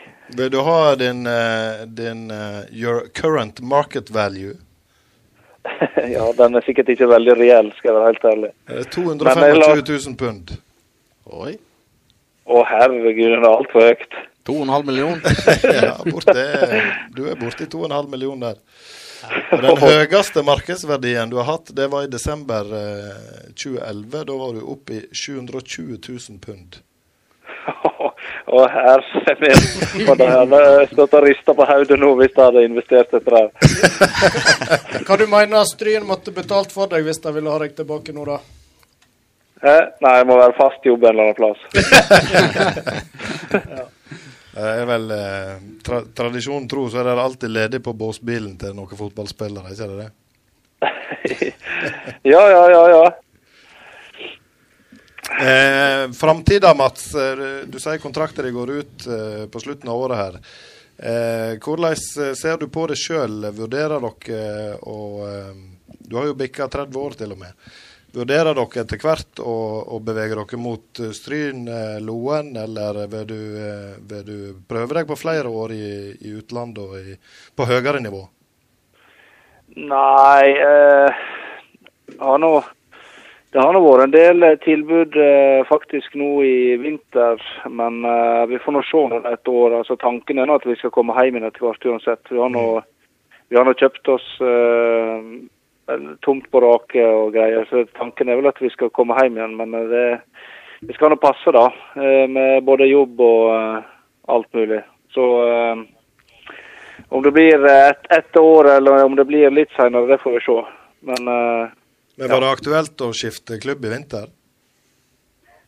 Eh, ja, det har, nei, ja, jeg veit ikke helt. Altså, det har nå vært litt sånn Jeg satt på benken mye i høst, da, og, og eh, situasjonen blir vel mye den samme.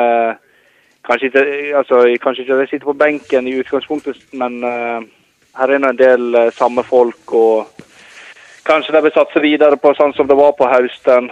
Det er noe umulig å vite. Så det har vært et sånt tilbud fra ulike, ulike plasser, da, men eh, nå, nå, nå, har vi, nå har vi bestemt oss for å bli uansett. Er det noen toppklubber i Norge som har vært, vært interessert? Eh, ja, én relativt eh, toppklubb, skulle jeg si. Mm. Og så har det vært to mindre i Norge, og så har det vært en i Polen. Polen, ja. Ja. Spennende. Klubben i Norge, da, hva bokstav er det den begynner på, da? Du, du får nå se hvor mange du vurderer som toppklubber, da. Begynner på R og slutter på Borg, eller? Nei, det er så jeg Nei, jeg har nå Nei, det er ikke, ikke det. Men eh, jeg har nå Jeg har nå hatt Karl Oskar og sånn før. da. Jeg har nå faktisk snakka med han etter, etter det kom opp. Men uh, jeg tror ikke det er så veldig aktuelt. Det var ikke det vi snakka om, i alle fall. Spennende blir det iallfall å følge med når serien uh, blir uh, dratt i gang. Det er Det var jo, det var jo De hang jo lenge med i fjor, Mats. Og, Mm. Når det gjaldt seriegull i uh, Allsvenskan. Så ambisjonene må vel være der i år òg? Ja, egentlig så har det vel satsa nesten litt mer eh, i år enn i fjor. da. Henta inn eh, ganske ganske bra navn og, ganske tung tropp eh, nå. Så, så ambisjonene for klubben er vel å være helt i toppen. Og det var vel det var vel det som vi var mest skuffa over nå, da. At, at vi røk ut i cupen. For at vi eller AIK tillegg til Nordkjøping og um, Malmö, en av oss må jo vinne cupen for at vi skal få Europa. Eh, Så dette nå, uh, nå må vi jo Ja. Nå får vi nå se da om AIK vinner litt, men det er nå liksom vår mulighet til å komme ut i Europa i år, da. Så det var ekstra surt å ryke i cupen på det. Men eh, nei, ambisjonene er nok å være helt i toppen. Og eh, om det blir eh, gull eller ikke, det, det får vi nå se. Ja. Noe helt annet, Mats. Eh, Nå er det jo et VM i skiskyting borte i Sverige. Er det skiskytterfeber, eller er, er du alene og brifer på treningsfeltet om eh, norske resultat?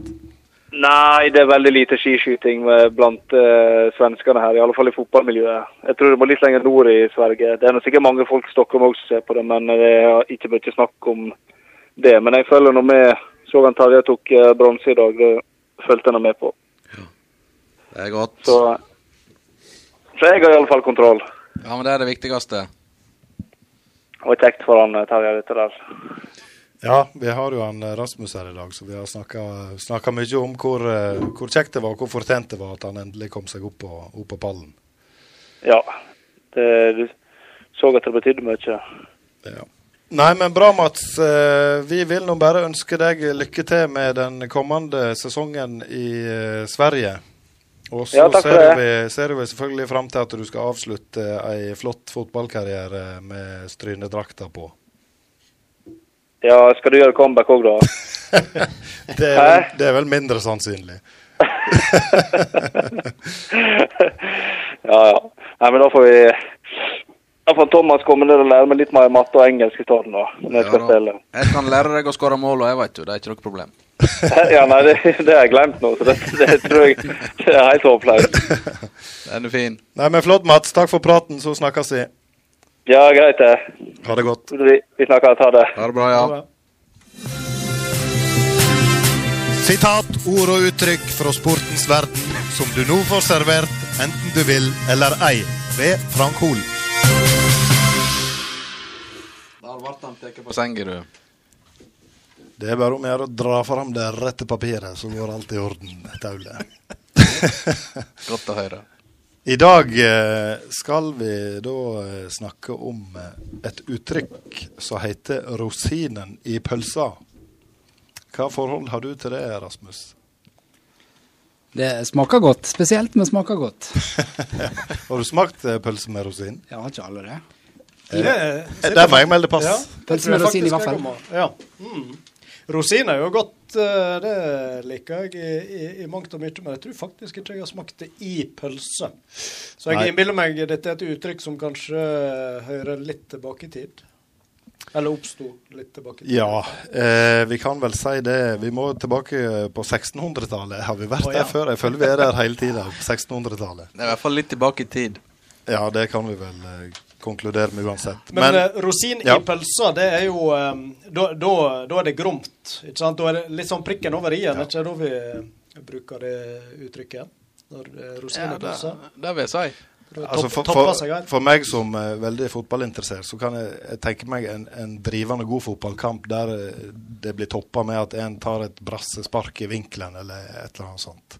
Eller Det en som er- skyter fra 30 meter. Ja, sånn som Rasmus gjorde Ja, i gamle Da dager. er det rosiner i pølsa, du. Det er liksom prikken over i-en nå.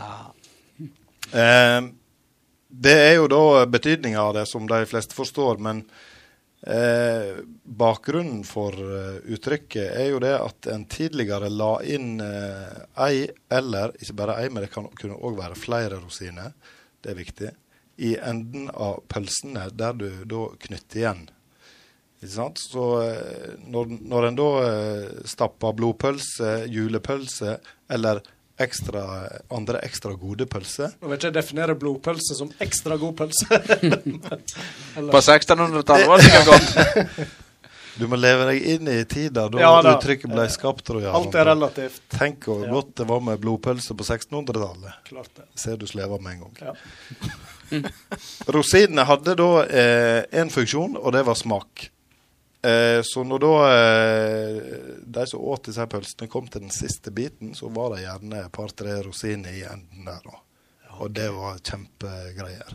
Dette er nok en gammel matkunst. Ja. Jeg ser vel ikke for meg de står inn på Nordfjord kjøtt og putter rosiner på det er veldig, tuppen der. veld, veldig lite rosiner i produksjonen der inne. Ja. Og glad skal vi kanskje være for. Men eh, ja, Ja. altså personlig så tror ikke jeg det er noe sånn kjempegodt med rosin i pølse. Der er jo tydeligvis han Rasmus her mye mer dreven enn meg.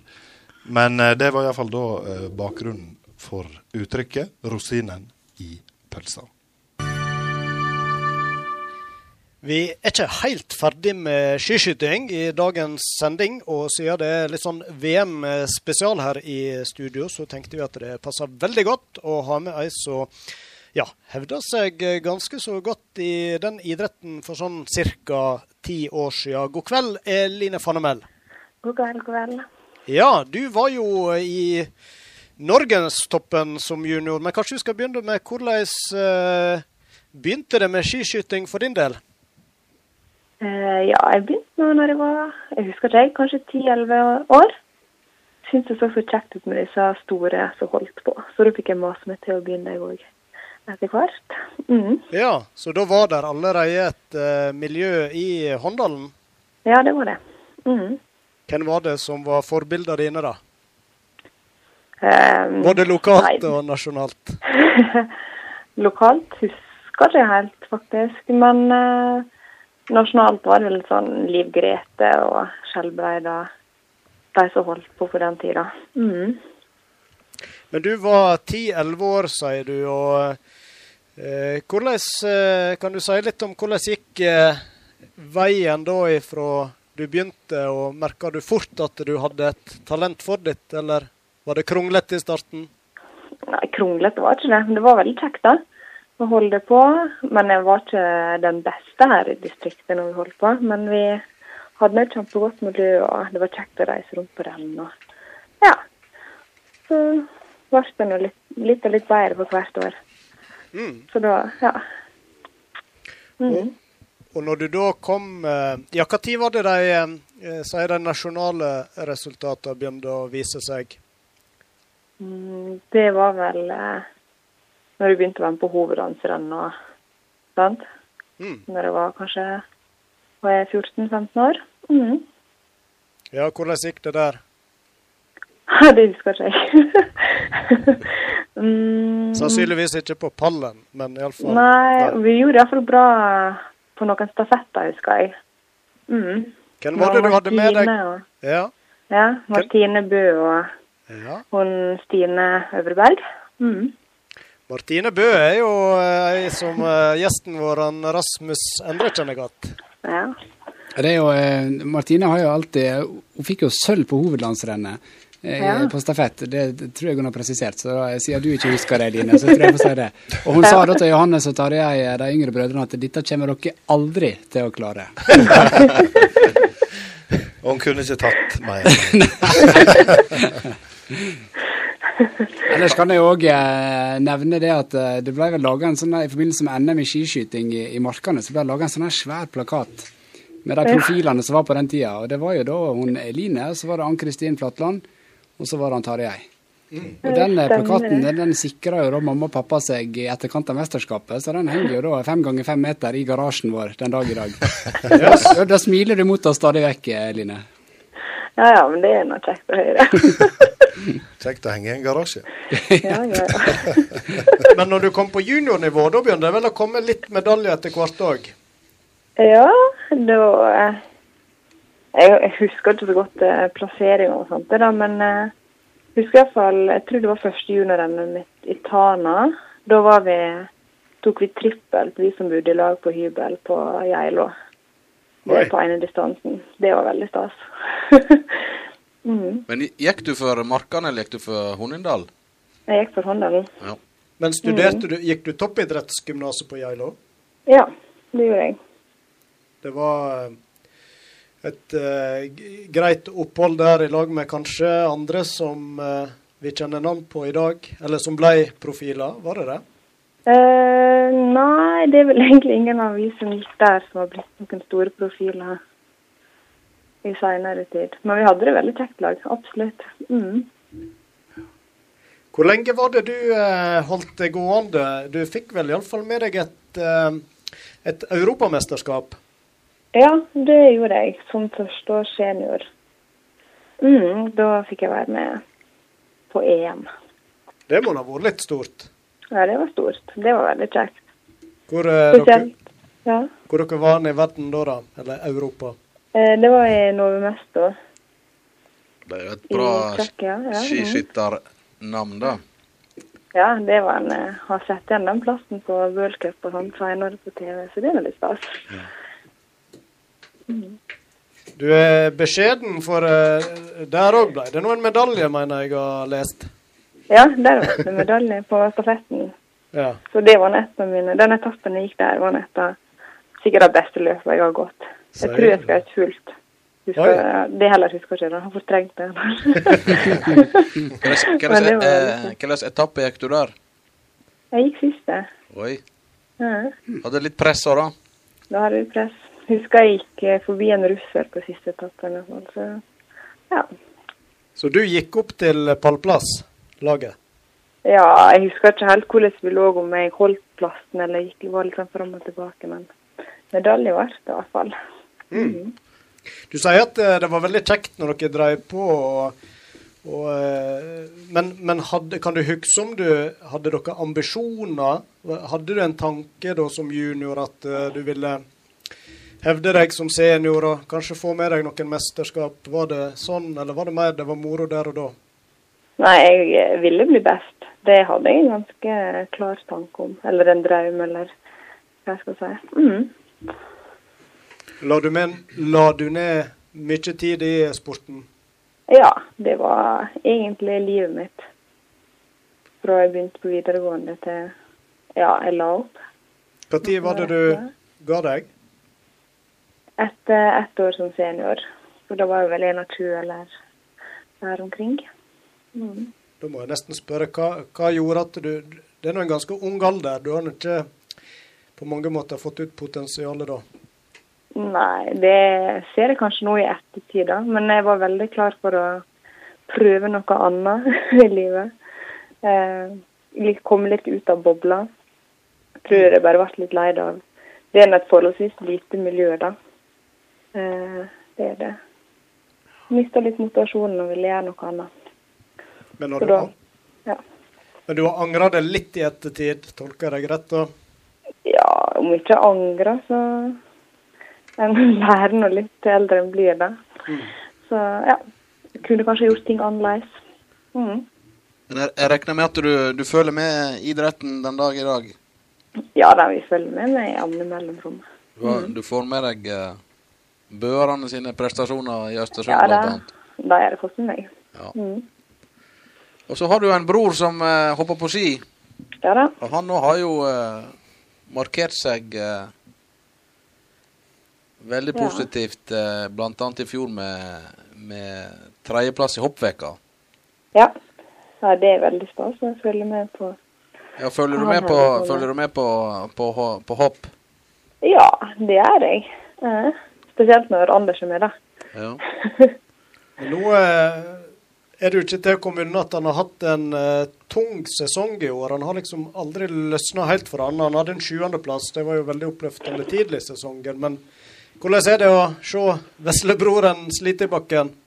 Nei, det er noe trasig, da. For jeg veit nå hvor mye tid, ja, tid han legger ned på dette, og hvor lyst han har, har å lykkes. Så det er noe kjedelig, selvfølgelig. Men eh, hopping kan nå snu fort, det. Det har vi nå sett før. Det er kanskje som skiskyting å skru et knepp til venstre. Ja, han skulle ha gjort det. Det, det, det, er, jo små, det er jo små marginer i, i hopp. Ja, det er det.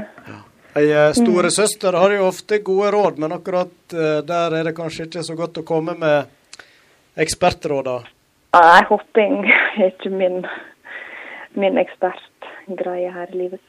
Nei. Så der har ikke så mye å komme med, dessverre. Du kan komme med oppmuntrende ord, veit du. Ja, det er oppmuntrende ord. Han kan komme hjem til Håndalen og koble av og ja, tenke på andre ting. Mm. Nei, vi veit jo at han kan. Og når, og når han setter verdensrekord i, i skiflyging, da, da var det vel stor stemning i heimen, vet du? Ja, da var det stor stemning i bakken. Det var stas. Ja. Det var der faktisk. Mm. Men eh, hva gjør hun Eline Fannemel i dag, da? Blitt 33 år gammel og Ja, nei, vi lever et ganske vanlig liv, da. Har to små unger, jobber, bor på en gard og ja. Ja. Satsa har eh, dere gjort på gårder, har jeg fått med meg òg. Dere bor Ja, i da. Håndalen og Ja. bygd ut moderne fjøs og har trua på Ja, landbruket. Det er det. Ja. Og så er det litt ski og diverse aktiviteter. Ja. Er du begynt å følge opp ungene òg, eller? Ja da, de er med på ski. Så nå er det cuprenn hver onsdag eller skileik. Så det er kjekt. Har du noe verv i idrettslaget i dag? Ja, jeg er med i denne skileikgruppa, da. Ja. Sørger for at det blir litt uh, aktiviteter for ungene. Og det er noe veldig kjekt å se da, hvor mange som er, har lyst til å være med på ski. Absolutt. Men eh, for Mm. din egen del, da, er det, er det fortsatt litt idrett på deg òg? Trener du litt, eller hvordan er det med Eh, det går litt i bølgedaler. Men jeg har ikke mista lysta på idrett og skilivet. Så Nei. ja, jeg prøver nå å holde meg i form. Og syns fortsatt det er kjekt å presse seg litt og springe intervaller. Yes.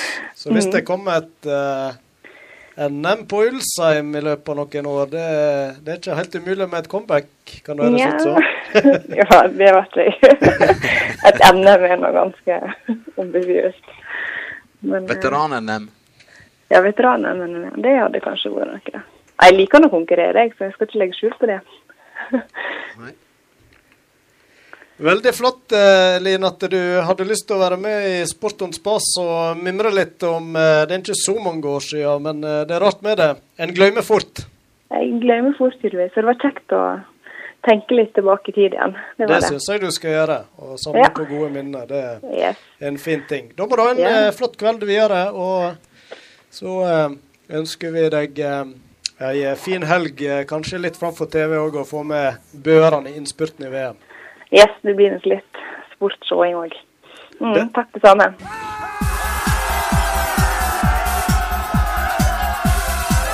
Vi presenterer kveldens blodfan.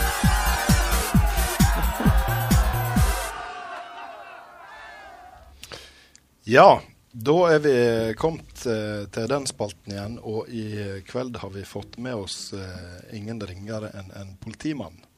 God kveld og velkommen, Eirik Rossen. Takk for det. Kjekt å være her. Du er jo eh, Tottenham-supporter. Eh, det kan vi komme litt tilbake til, da, men du, vi hører jo selvfølgelig på dialekta di at du er ikke stryning. Mm. Hvordan enda unge herr Krossen opp i Stryn? Eh, lange versjonen eller korte versjonen? Nei, jeg bruker å si at her liker vi å fylle sendetid, så det er bare å måke på. Nei, altså det, det var jo i utgangspunktet jobben da som tok meg hit. Um, det var en, eh, en i klassen som uh, sa at nå var det to ledige stillinger i Stryn, så da kunne vi søke sammen. Mm. Um, ja, jeg tenkte ja, hvorfor ikke? Stryn, det, det har jo sommerskisenter, har ikke det? Mm. Det visste jeg. Så jeg søkte, og så eh, ja, søknadsfristen var ute, så spurte jeg den her eh, kameraten, kan vi kalle han. Åssen gikk det med søknaden? Nei, han hadde ikke søkt. Så, Han hadde ikke søkt? Nei, han hadde ikke søkt. det var en kompis. Takk for den, sa jeg. Ja. Men så viste det seg at en uh, tredje kar i klassen også hadde søkt, da. Så vi fikk jobben, hver vår jobb her, og tenkte at ja, men da prøver vi et år i Stryn. Ja. Så møtte jeg kona mi. Så, Ja. Ja. Og Da var det gjort. Da var det gjort. Ja, eh, det, er jo, det står jo som regel en kvinne bak. Eh, men tilbake til Tottenham. Hva eh, var det som gjorde at eh, det ble ditt lag? Ja, det hadde noen kvinner ikke noen ting med å gjøre. det hadde det ikke. Det var nok en gang disse kompisene. Eh, Jeg begynte, jeg begynte ikke med fotball før jeg var en eh, ti år. Når jeg begynte med fotball, så fikk jeg beskjed av disse her kompisene at da måtte jeg velge et favorittlag. Mm. Um, jeg hadde ikke snøring på, på engelsk fotball. Så jeg og lillebjørnen min begynte å følge med på eh, tippekupongen og litt sånne ting. Beit oss merke i Tottenham, det var litt sånn morsomt navn. Så fulgte vi med, og da ja, De vant jo fotballkamper av og til òg, så det var jo kjekt. Så eh, det var egentlig bare starten. Um, Det var ikke også, noe press fra noen eh, Nei. Holdt på å si dårlige kompiser. Eller Nei. kompiser. eller- Nei, det var ikke det, altså. For det, Rett og slett de, et morsomt navn. Rett og slett et morsomt navn. Det var det som fenga sånn i, sånn i utgangspunktet. Og så selvfølgelig når vi begynte å lese litt, da, så da var det Erik Thorsvedt, og det var litt sånne ting. Så det, da ble det jo veldig, veldig Ja, det var på den, omtrent på den Ja, det var på den tida der. Ja. Så det um, Nei, um, hadde det vært opp til kompisene mine, så hadde det vært uh, Wolverhampton eller Manchester United. Så det ja. Liverpool var aldri inne i bildet på noe. Liverpool uh, var aldri uh, inne i bildet. jeg har også en kompis som var Arsenal-supporter, og så heldigvis så ja. Du unngikk å gå i den Så gikk jeg på, for estetikken i navnet. Ja. Um, Tottenhams heimebane den er jo uh, på eh, utgående dato, holdt jeg på å si. Yes. Eh, de skal vel skifte eh, eller flytte inn på ny arena nå i april-mai. Mm. Um, men White Hart Lane er jo en legendarisk stadion i England. Har du vært der sjøl? Ja. Det er jo, det er jo litt eh, greit for dere som holder med lag, i London. Å komme seg fram og tilbake til London er jo en, eh, en enkel sak. Det er bare det er en fryd. Det er, eh, det er i hvert fall billig å komme seg dit. Ja. Så det, det er Re reiser du ofte på Tottenham-kamp, eller blir det liksom innimellom når det Nå er det sånn eh, innimellom. Eh, Etter man ble far og sånne ting, så, eh, og flytta til Stryn for den saks skyld, så det, det er ikke like enkelt å komme seg til flyplassen heller. ja, Vi Men, du er stryninger tenker jo ikke på det, men du kommer jo Ja, det er Uff. Nei, men forrige gang jeg var det, var vel siste kampen i forrige sesong. Eh, 5-4-kampen mot Leicester. Ah, ja. Så det, det var jo gøy. Til slutt. Så ja. Full fyr i teltet. Ja.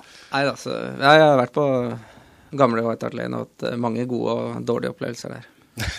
Er det, er det mange nordmenn som er Tottenham-supportere? Har du noe eh, oversikt over alt på seg? Nei, ikke noe sånn uh, tall. Men jeg, jeg føler i utgangspunktet at det er bra med, med Tottenham-supportere. Det syns jeg. Og, og det som er så fint, er at det er veldig få av altså alle andre som, som misliker Tottenham. Det er, ikke, det, er så, det er jo selvfølgelig Arsenal og Chelsea og sånne ting, men det, ja, det er jo Liverpool-supporter, United-supporter altså det, Men det er vel en, ikke noen som har noe mot Tottenham, egentlig. Ja. du er vel en ensom svale i Stryn, kanskje? Ja, en av få? Jeg har ikke veldig Det er ikke mange her, altså. Men eh, det, er, det er noen, Ja. det, det er veldig kjekt. Så eh, jeg har også en på lensmannskontoret også som er eh, Tottenham-supporter, så det, det hjelper. Mot, eh, det, det er et eller annet rart altså, når eh, Liverpool gjør det bra, og sånne ting, så blir de veldig synlige. Av en merkelig grunn. Overalt. Det er, vel, det, er vel, det er vel flere klubber som har gjort det bra i det siste, som har blitt meget synlige på uh, verdensveven. Ja, definitivt. Ja. Blir de synlige for politiet òg, eller? Nei, heldigvis ikke. Ikke foreløpig, i hvert fall. Nei. Det. Det har vært eh, Men nå er det jo ny stadion, som Frank eh, var inne på. Har du planer om å ta turen? Det har du vel? Det, det må jeg. Uh, uten tvil. Vi er nå um, Jeg har uh, gode venner også som er Tottenham-supportere, som, eh, som vi ofte reiser med. Så han ene har jo kjøpt sesongkort der nå, så da må vi Du har jo to gutter. Har du greid å overføre interesser Ja. For klubben til deg? Det, ikke han minstemann. Han er ganske klinkende klar på at uh, du og jeg, mamma, vi, vi liker ikke fotball. Det, jeg kan godt spille, men jeg liker ikke å se på. Han uh, eldstemann er, uh, han er nesten verre enn meg Ja. blitt. Så det, det er kjekt. Så jeg gleder meg til å få med, få med dem Ja. på, på stadion. Og bror din, han har holdt ut med laget òg? Lillebror har også holdt ut, så det, det er meget bra. Har du selskap på turene? Ja. Ja. ja det, er noe med det. Rasmus Endre, du òg har jo en uh, klubb i ditt Holdt på å si hjerte. Ja, det, det var å ta i, men uh, Ja, det var det. Du, du sikta antagelig til det vi snakka med i en pause her, om at Ja. jeg er etter gammelt av en Newcastle-supporter. Ja. Og jeg kunne sikkert ramsa opp eh, startelveren i uh, 1998, men Ja, jeg, men det gjorde du jo. Og det gjorde jeg for så vidt. Men jeg kan ikke nevne én spiller i dag, så eh, Den største stjerna i Newcastle nå, det er jo manageren. Det er helt, det er helt riktig. Rafa Benitez. Han sendte hilsen til Johannes. eh, Ja, det så vi. eh, Johansen. Johansen kalte han det.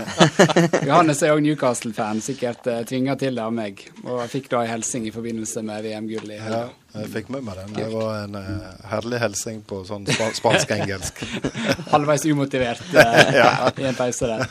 Det var vel en storebror som fikk ei hilsing òg, det virka nå som det fungerte fint å få Solskjær-hilsing. Jo, det stemmer. Det bidrog uh, til medalje i dag, det.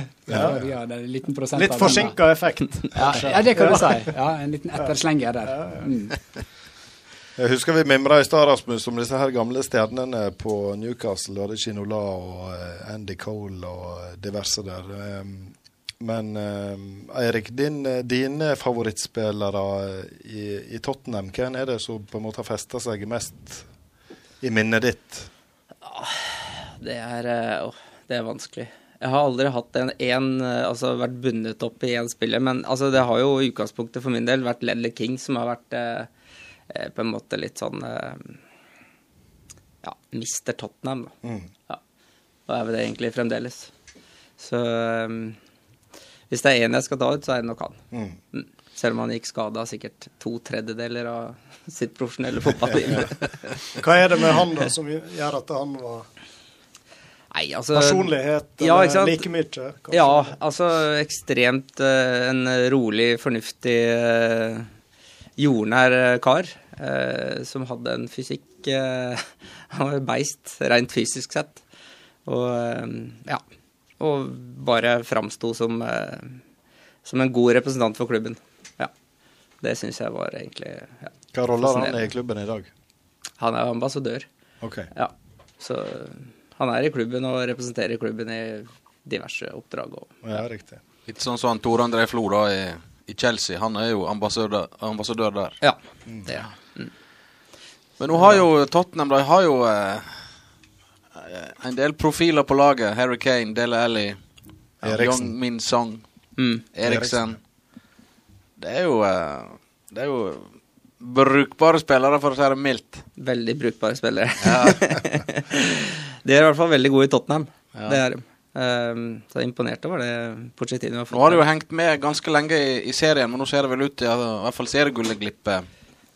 Ja, altså jeg har aldri tenkt på seriegull i det hele tatt. Eh, Jeg har vært Tottenham-supporter så lenge, så, så jeg veit åssen dette går til slutt. Ja, er, eh, Jo, jo, men eh, du har vel drømt om et gull, du som alle andre? Jeg er strålende fornøyd med topp fire. Jeg, ja, det klarer vi å, er- å henge med der som vi har gjort nå siste åra. Altså. Jeg er ikke skuffa over eh, at førsteplassen røyk, men jeg er veldig skuffa over eh, at fjerdeplassen kanskje ryker. det, er- det, er- Det blir en litt- spennende sesonginnspurt. nå. Dette her blir litt for spennende. Det, det, det blir. Tottenham er nå på tredjeplass. Ja. Eh, og på fjerdeplass finner vi Det Er det Arsenal eller United? det? Det er der? United, er det ikke? Men her er det tett. Nei, nå er det Nei, Arsenal. vet det. Det er ikke mange Arsenal, poeng det. imellom Det her. stemmer, det. Mm. Nei, det er poenget. Det er tett. Det er tett. Og Det er så tett, kommer Roy eh, Chelsea også. Voldsomt, voldsomt tett, ja. Men jeg bare tenker på uh, dette med å være supporter. Jeg har jo sagt det før òg, at dette er jo ikke noe jeg eh, er litt verden ikke jeg er en del av. Jeg Mm. følger med med et halvt øye når det gjelder fotball, for så vidt både i Norge og utlandet. Men hvor mye tid bruker du på det? Er det sånn daglig inn og orientere seg om siste nytt på hjemmesida til klubben, og alle kamper må sees, og forum og hvordan oppsluker Jeg oppsluker håpa egentlig ikke på at du skulle stille det spørsmålet. det er litt flaut. Jeg bruker altfor mye tid. Jeg angrer ofte på at jeg ble fotballsupporter i det hele tatt. Det er, det er helt forferdelig. Fortell. Hvordan eh, Ja, nei, altså du Det er ikke sånn at jeg bruker uh, uvettig mye tid på, på Tottenham sånn sett, men uh, eh, Ja, jeg ser de fleste kampene. Det gjør jeg. Eh, og nå er det veldig kjekt etter at Liam begynte å se på kampen også, for da, da, da blir det sånn far-sønn. Mm. Da er det en unnskyld, unnskyldning til å trekke meg tilbake. Kvalitetstid. ja, kvalitetstid. Så jo, eh, en ser på kampene, og, eh, og så er det jo litt sånn eh, Spiller jo Fifa og fotballmanager og fantasy det Nei, åh, herregud. Jeg kunne brukt tida mi på mye mer positivt og fornuftig enn dette her. Men uh, Ja, Man skal ha litt moro her, da. ja, det er kjekt. Det er det. Um, Men det er jo, litt- det er jo dette her, eh, Du kan si det er en unnskyldning når du har fått med deg sønnen eller enesønnen din, men, men det er jo kvalitetstid. Det er det. Jeg, jeg har jo det sånn hjemme med meg òg når Ikke i kveld, da, for nå sitter jo de hjemme og koser seg med Liverpool, Bayern München, eh, som vi har på sida her, vi òg, da. Men eh, vanligvis da så sitter vi hjemme i sofaen og ser disse her Liverpool-kampene, og det er jo eh, Syns jo jeg veldig fascinerende å gjøre i lag med guttene, da. Mm. Eh, og delvis òg dattera mi er interessert, så det blir jo en sånn eh, familiegreie. Mm. Eh, og da, da blir det jo kvalitetstid ut av det, selv om det òg kanskje kan være en liten unnskyldning for å få lov å se alle disse her kampene. Så det, det er jo ikke det, er jo ikke det, det jeg mener, da. Det er ikke, det er ikke bare en unnskyldning. Nei, det er det, det er jo en, en fin ting å ha i lag. Ja, absolutt. Um, og i og med at en syns det er så gøy, og så er det, er kjekt. Hvordan er det bort på eh, lensmannskontoret? Er det noe fotballpreik der eh, blant dere, eller er det du som står for ham? Det er jo, eh, vi har jo eh, han eh, Vegard Dahl er jo Tottenham-supporter. Og så har vi jo Jan Tore òg, som er Liverpool-supporter. Ja. Og ja. Det er Det går fort i fotballprat der. I hvert fall når vi er sammen. Eller hvis vi begynner, så forsvinner de som ikke er interessert. Da er på en måte morgenmøtet uh, avslutta for, for deres del, og så sitter vi igjen fem minutter og preker litt fotball. vet, Hvis Tottenham taper på en søndag, da må du kjøre ekstra forsiktig på mandag. Da er det fort, fort eh, fartskontroll opp i stegene. Ja, ja. Men uh, ja. Jeg bruker jo alltid å spørre om hvor det går inn på deg, disse tapene. Er det, er Det du spørsmålet har jeg egentlig venta på. Roy. Ja, du har det, ja. For du er jo, Det er det. Du er jo opptatt Det er jo følelsene av eh, jeg er opptatt av. Ja. Ja, ja, Nei, er det Er dagen ødelagt? Veka? Er det Jeg tror jeg er forholdsvis flink til å Altså, når fem minutter etter kampen er ferdig, så, så er jeg ferdig med det. Yes. Ja. Um, men eh, tot, altså, jeg kan ta Tottenham Arsenal-kampen her. Nå satt jeg oppe i loftstua og så med, med Liam, og da måtte jeg faktisk eh, bare si til henne at nå må pappa gå ned. Fordi nå klarer ikke pappa å oppføre seg sånn som pappa skal gjøre foran sønnen sin. jeg blir altfor ivrig eh, når jeg ser på kampen. da. Når jeg jeg i det. Men, eh, men jeg er ikke noe langsur, eller lar ikke det gå utover Det er jo veldig beherska utagering, dette der. da. Ja. det er, eh, Kontrollert. Kontrollert, ja. Eh, der og da, så ja. Gikk du ut i garasjen og knakk noen ski? ja. Uff, ja, det var Men du Rasmus Endre, du leter ikke at Newcastle-tap går særlig inn på deg, vil jeg tro. Jeg får ikke med meg Newcastle-tapet. Nei, ingen fare der. Jeg har sett litt uh, flere Premier League-kamper nå i det siste etter at Solskjær tok over. da. Mm. Det er sikkert til liks med flere nordmenn, at en blir jo litt engasjert og følger med litt der. Men uh, det, det, er jo godt uh, å, å, ikke bli synlig påvirka av resultatet til et fotballag. Jeg har noen kamerater som er, som er, der, altså. Du har ikke tenkt på å ta båten fra Bergen til Newcastle vel, og ta deg en tur på stadion? Ja, men hvis Johannes spurte meg i fjor, da lager ikke det seg helt i forhold til jobb og sånne ting. Men jeg har veldig lyst til å oppleve en kamp på St. James' Park. Det skulle jeg definitivt. Det er, jo... Eh, det er kjent for å ha gode supportere der. Absolutt kjent for god stemning der. Mm. Jeg har vært der en gang. Eh, da tror jeg de spilte med Sheffield Wednesday det mange mange år siden på en eh, skoletur. Eh, og Det var mitt første møte med engelsk fotball i levende live. da. Og da ble jeg så fascinert av publikum at jeg tror jeg så mer på publikum rundt meg enn på selve kampen. For jeg husker det sto ei sikkert 80 år gammel dame som var nedlest i Newcastle supporterutstyr og kjefta og banna og steika og herja på. Så engasjementet der og kulturen der borte er jo noe en bør få med seg. Ja. Det er ganske fascinerende. Mm. Ja, det er kultur, kultur der. Det, det er ikke tvil om det. Men nå, Eirik, får du jo eh, Tottenham ny stadion, så de har venta lenge på. Og eh, det må jo være helt fantastisk å ha en så fin stadion eh, å gå til om ikke så altfor lenge. Den, eh, den, ser jo helt vanvittig ut. Ja. Det er klart, jeg skulle jo helst sett at de brukte kanskje ja, tre milliarder mindre, altså kunne hatt litt spillere etterpå. ja. Eller i hvert fall betale lønningene. Men uh, det er klart. Uh, de har investert eh, Og det er jo klart det er veldig mye fokus på stadion, men det er jo utgangspunktet en, en del av å, å bygge, en, eh, bygge, ut en bydel. Eh, ikke bare for å få en fin stadion til laget, men ja. Jeg vet ikke om det har vært på gamle White Hart Lane og området der, men det er jo et fattig strøk. Det ser helt forferdelig ut der. Ja. Så det, jeg tror nok det blir veldig positivt for hele nærområdet der. Så det blir jeg gleder meg. Det kommer til å bli trøkk. Ja, du må ta en tur bort dit om ikke så lenge, da. Yes. Men dere er ikke bortskjemt med titler siste året, iallfall. Eh, hva er likevel høydepunktet, vil du si, fra den, de åra du har fulgt laget? Er det noe som biter seg fast? Ja, det er nok absolutt uh, første gangen vi tok fjerdeplass, faktisk. Endelig med i Champions League. Ja. Uh, det er klart vi har hatt noe uh, Jeg kaller det Mickey Mouse Cup-seiere. sånn holdt jeg på å si, ligacupen eh, og FA-cup. Men eh, absolutt eh, største høydepunkt når, når, vi tok City og tok oss til fjerdeplass. Jeg husker i hvert fall første delen av den kvelden. Men hvor, hvor, du ser Tottenham, Tottenham om, om, fem år? Nei, godt spørsmål.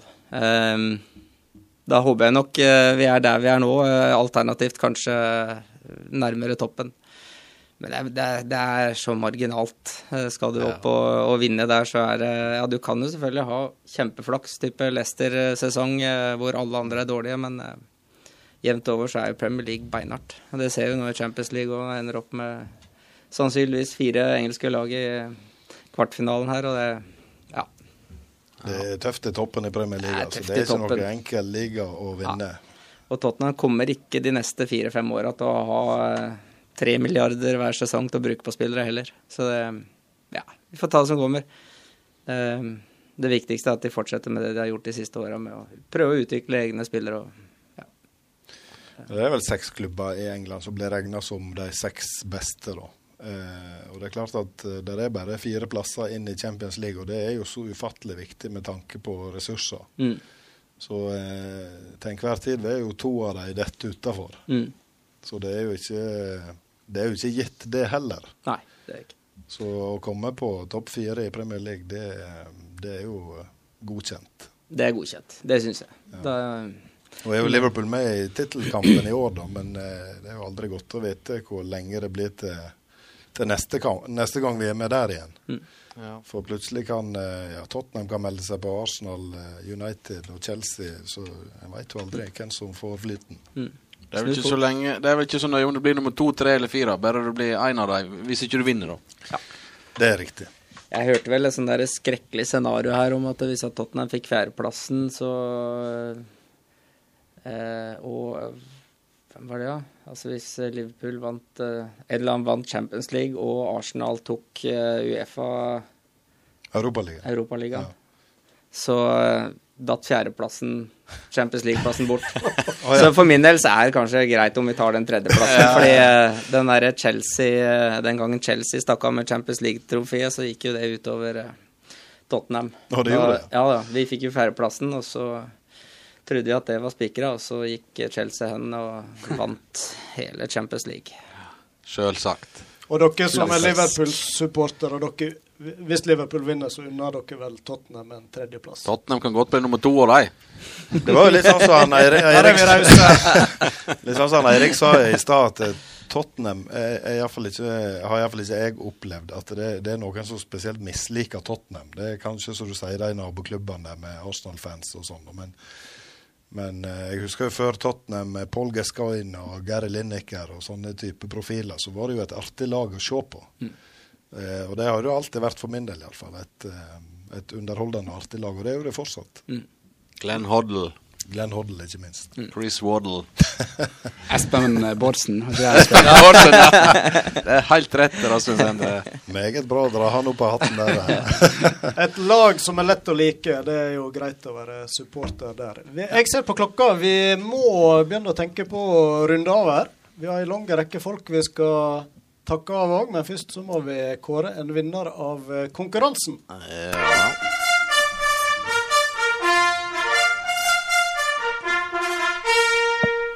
Vi har jo trukket ut en vinner. Dagens spørsmål var hvor mange medaljer Brødrene Bø har tatt i Østersund. Og Rasmus Endre, du kan nå vel kanskje komme med fasiten der? Nå må- Nå måtte jeg tenke litt. Men du er god med tall. Ja. Fire. Fire, ja. Johannes har to gull, én sølv, og så fikk vi bronse i dag med en Tarjei. Det blir fire. Og Frank, du kan få med deg ei T-skjorte hjem igjen i kveld, for Mathias Ulebø Garli han er kveldens vinner. Ja, du verden, den er etterlengta. Altså. Ja, Han ja, har ja. sikla på den T-skjorta i mange uker. Ja. Gratulerer, Mathias. Du er dagens vinner. Flott. Da har vi kåra den òg, og da er vi kommet dit hen at vi må takke for oss. På tide å komme seg hjem og legge seg. Klokka drar seg mot halv elleve. Tusen takk til Eirik Krossen, kveldens blodfan. Takk òg til Rasmus Endrebø. Gjest har vært med oss nesten hele sendinga. Veldig kjekt å ha deg med. Så vi, sender vi ei lita takk bort til Østersund og en Egil Kristiansen òg, landslagstreneren. Kjekke kar. Og med oss på telefon. Og til Finnmark. Vi har vært langt av sted. Til han Jarle Midtdel Gjørven. Kanskje hører han på oss ennå. Tusen takk for at han var med. Og Eline Fannemel og han Mats Solheim i Stockholm. Da takker vi for oss i Sport om Spa-studio. Ved min venstre side. Thomas Taule. Ved min høyre side. Frank Hol. Og jeg heter Roy Aron Myklebust, og vi høres om eh, 14 dager. Vi takker òg tekniker Ove André Årskog. Ha en fin kveld. Vi hørs.